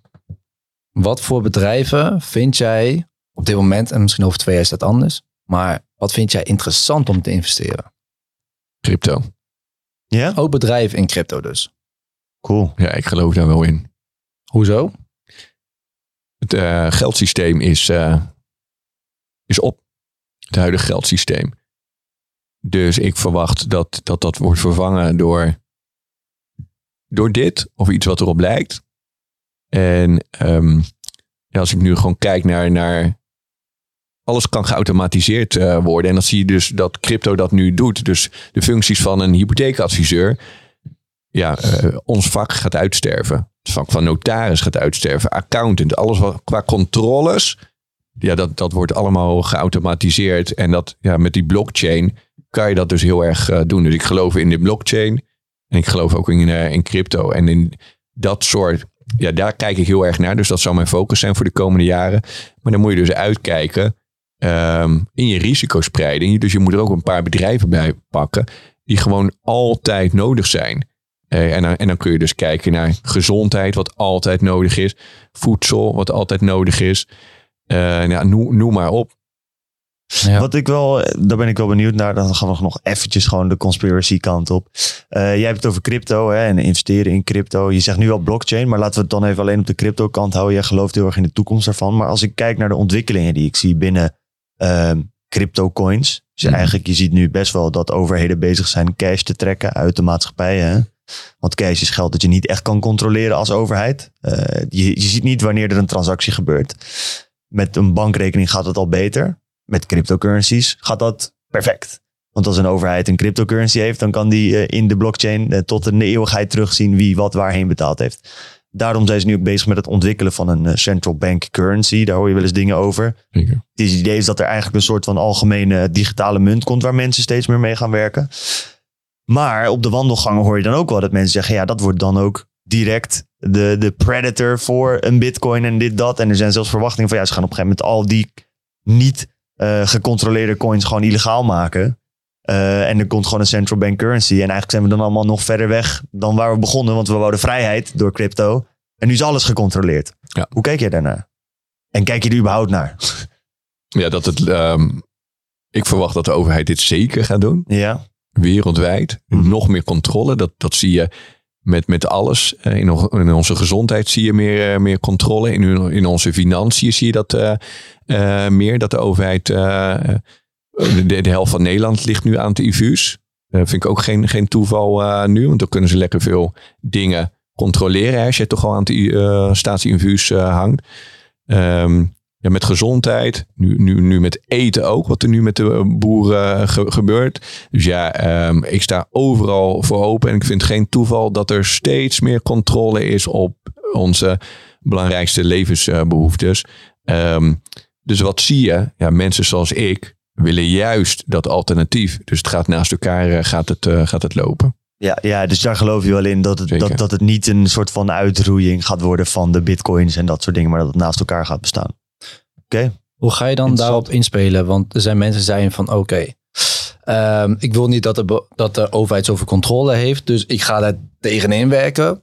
Of sommige mensen zeggen van ja, het gaat sowieso gebeuren, dus ik ga daarin meespelen. Wat kies jij? Mijn netwerk dus, ja, we hebben weer die basisdingen. Mijn netwerk vergroten. Dus ik ga nu om met mensen die meer dan 50 miljoen hebben bijvoorbeeld. Eh, die zien veel meer wat er in de wereld aan de hand is. En eh, wat, waar, wat zij doen qua voorzorgsmaatregelen. Die, die kopiëren, weer, weer modelleren ben, ben ik dus aan het, eh, aan het doen. Ja. Ehm, ja, een van de dingen om je, om je voor te bereiden op dit soort shit is ehm, hoe vermogender je bent, hoe minder controle mensen op je, op je hebben. Dus vermogen staat, staat gekoppeld aan vrijheid. dus ga dat bouwen, Ja, dus zo nee, snel mogelijk. zeker weten. Het Kleine, daar wil ik hem mee eh, afsluiten, tenzij jij nog vragen hebt, maar eh, over het kopiëren van mensen die veel geld hebben, omdat die andere dingen weten dan wij weten, was eh, Nancy Pelosi. Ik weet niet of jullie die kennen. Dat is een, eh, een eh, politici uit eh, Amerika. Haar man, zij zit best wel hoog in het Senaat. Haar man is continu, zeg maar, heeft hele interessante aandelen trades. Die is een grote aandeeltrader. Er komt bijvoorbeeld een wet waarin ze bepaald hebben dat ze heel veel nieuwe chips gaan kopen voor de Amerikaanse overheid. Dan koopt haar man een week voordat dat uitkomt, dat nieuws, koopt hij heel veel aandelen in chipsbedrijven. Dat soort dingen zie je continu. Hij is dus een heel vermogend man waarvan ze zeggen dat hij het niet mag horen. Maar het idee is dat hij eh, inside information heeft. Maar je ziet dus nu ook grote brokers en dingen die letterlijk een trading machientje gemaakt hebben die gewoon al zijn trades volgen. Je kan gewoon zeggen, oké, hier is 1000 euro, volg ze al zijn trades. En eh, nou, dat vind ik wel grappig om te zien. Ja. Als je op een gegeven moment naar de rijke mensen gaat kijken, gewoon als je hun volgt, zij weten vast dingen die wij nog niet weten, eh, waar je goed geld op kan verdienen. Dat vond ik wel eh, een mooi voorbeeld van eh, dat mensen daar ook weer helemaal in doorslaan. Wat is dan, eh, en dat is mijn laatste vraag. Ehm, je modelleert ze, maar wat is hetgene wat je nu van hun hebt geleerd? Nu in, in de afgelopen weken of zo, maanden? Wat, wat Ja, sinds je? je contact met ze hebt. Dus je zegt van oké, je bent nu wat meer aan die vermogende mensen na aan kijken. Ehm, heb je daar al iets van opgestoken? Ja, een, een, een inzicht dat we enorm geprogrammeerd zijn en dat het belangrijk is om zo snel mogelijk het te beseffen. Dus dat je geprogrammeerd bent en klein wordt, eh, wordt gehouden en dat je, dat je naar ja, een, een volgend niveau wil van, van netwerken van mensen die dus ja, wakker zijn. Dus die uit, ja, je bent altijd gehypnotiseerd, Ehm, maar, maar dat je dat je in een ander bewustzijn eh, bent van hey, dit, dit, dit, is niet het, dit is het wereldje die, die is ge- gecreëerd voor, voor, voor, de, ja, voor de gemiddelde mens. En daar wil je niet tussen zitten. En, en dan ga ik het maar eventjes eh, eh, tactisch eh, brengen. Kijk maar naar wat er de afgelopen twee jaar is gebeurd. Waarbij heel veel mensen zien, hey, ik, ben- ik ben toch wel echt enorm geprogrammeerd. Fuck, ik ben gewoon meegegaan. Dus ja, zorg, zorg dat je dat je, dat je daar uitblijft en dat je een open blik houdt. Ja, Ja, mooi. Op alle vlakken. Ja man. Ik denk dat dat een hele sterke laatste message is om hem eh, op af te sluiten. Cherry, jij heel erg bedankt voor je tijd, eh, gedaan. voor je mooie woorden. Ehm, Ja, toch. ja, heb je nog iets dat je nog de- wil delen met de mensen? Iets wat eraan zit te komen of iets waarvan je zegt dat moet ik nog eh, van mijn hart... eh, Ja, ja één, één he- hele belangrijke is... ehm, je investeert in een, in, in een coach bijvoorbeeld. Dat is super eh, belangrijk. In cursussen, weet ik veel, kennis en dat soort dingen. Ehm, en in spullen. Maar het belangrijkste is, als je gewoon kijkt naar, als je ondernemer bent uh, of, of kijkt naar je uitgaves, investeer zoveel mogelijk in jezelf. Aan persoonlijke ontwikkeling. Ik heb, het meeste, ik heb de meeste tonnen verdiend doordat ik uh, aan mezelf heb ge gewerkt als karakter. Um, ik heb gezegd van ik wil miljonair worden. Ik heb zelfs gezegd ik wil miljardair worden. Um, niet om stoer te zijn whatever. Bepaald karakter moet je ontwikkelen om miljonair te, te worden. Je moet heel goed kunnen netwerken. Je moet een goede mindset kunnen hebben.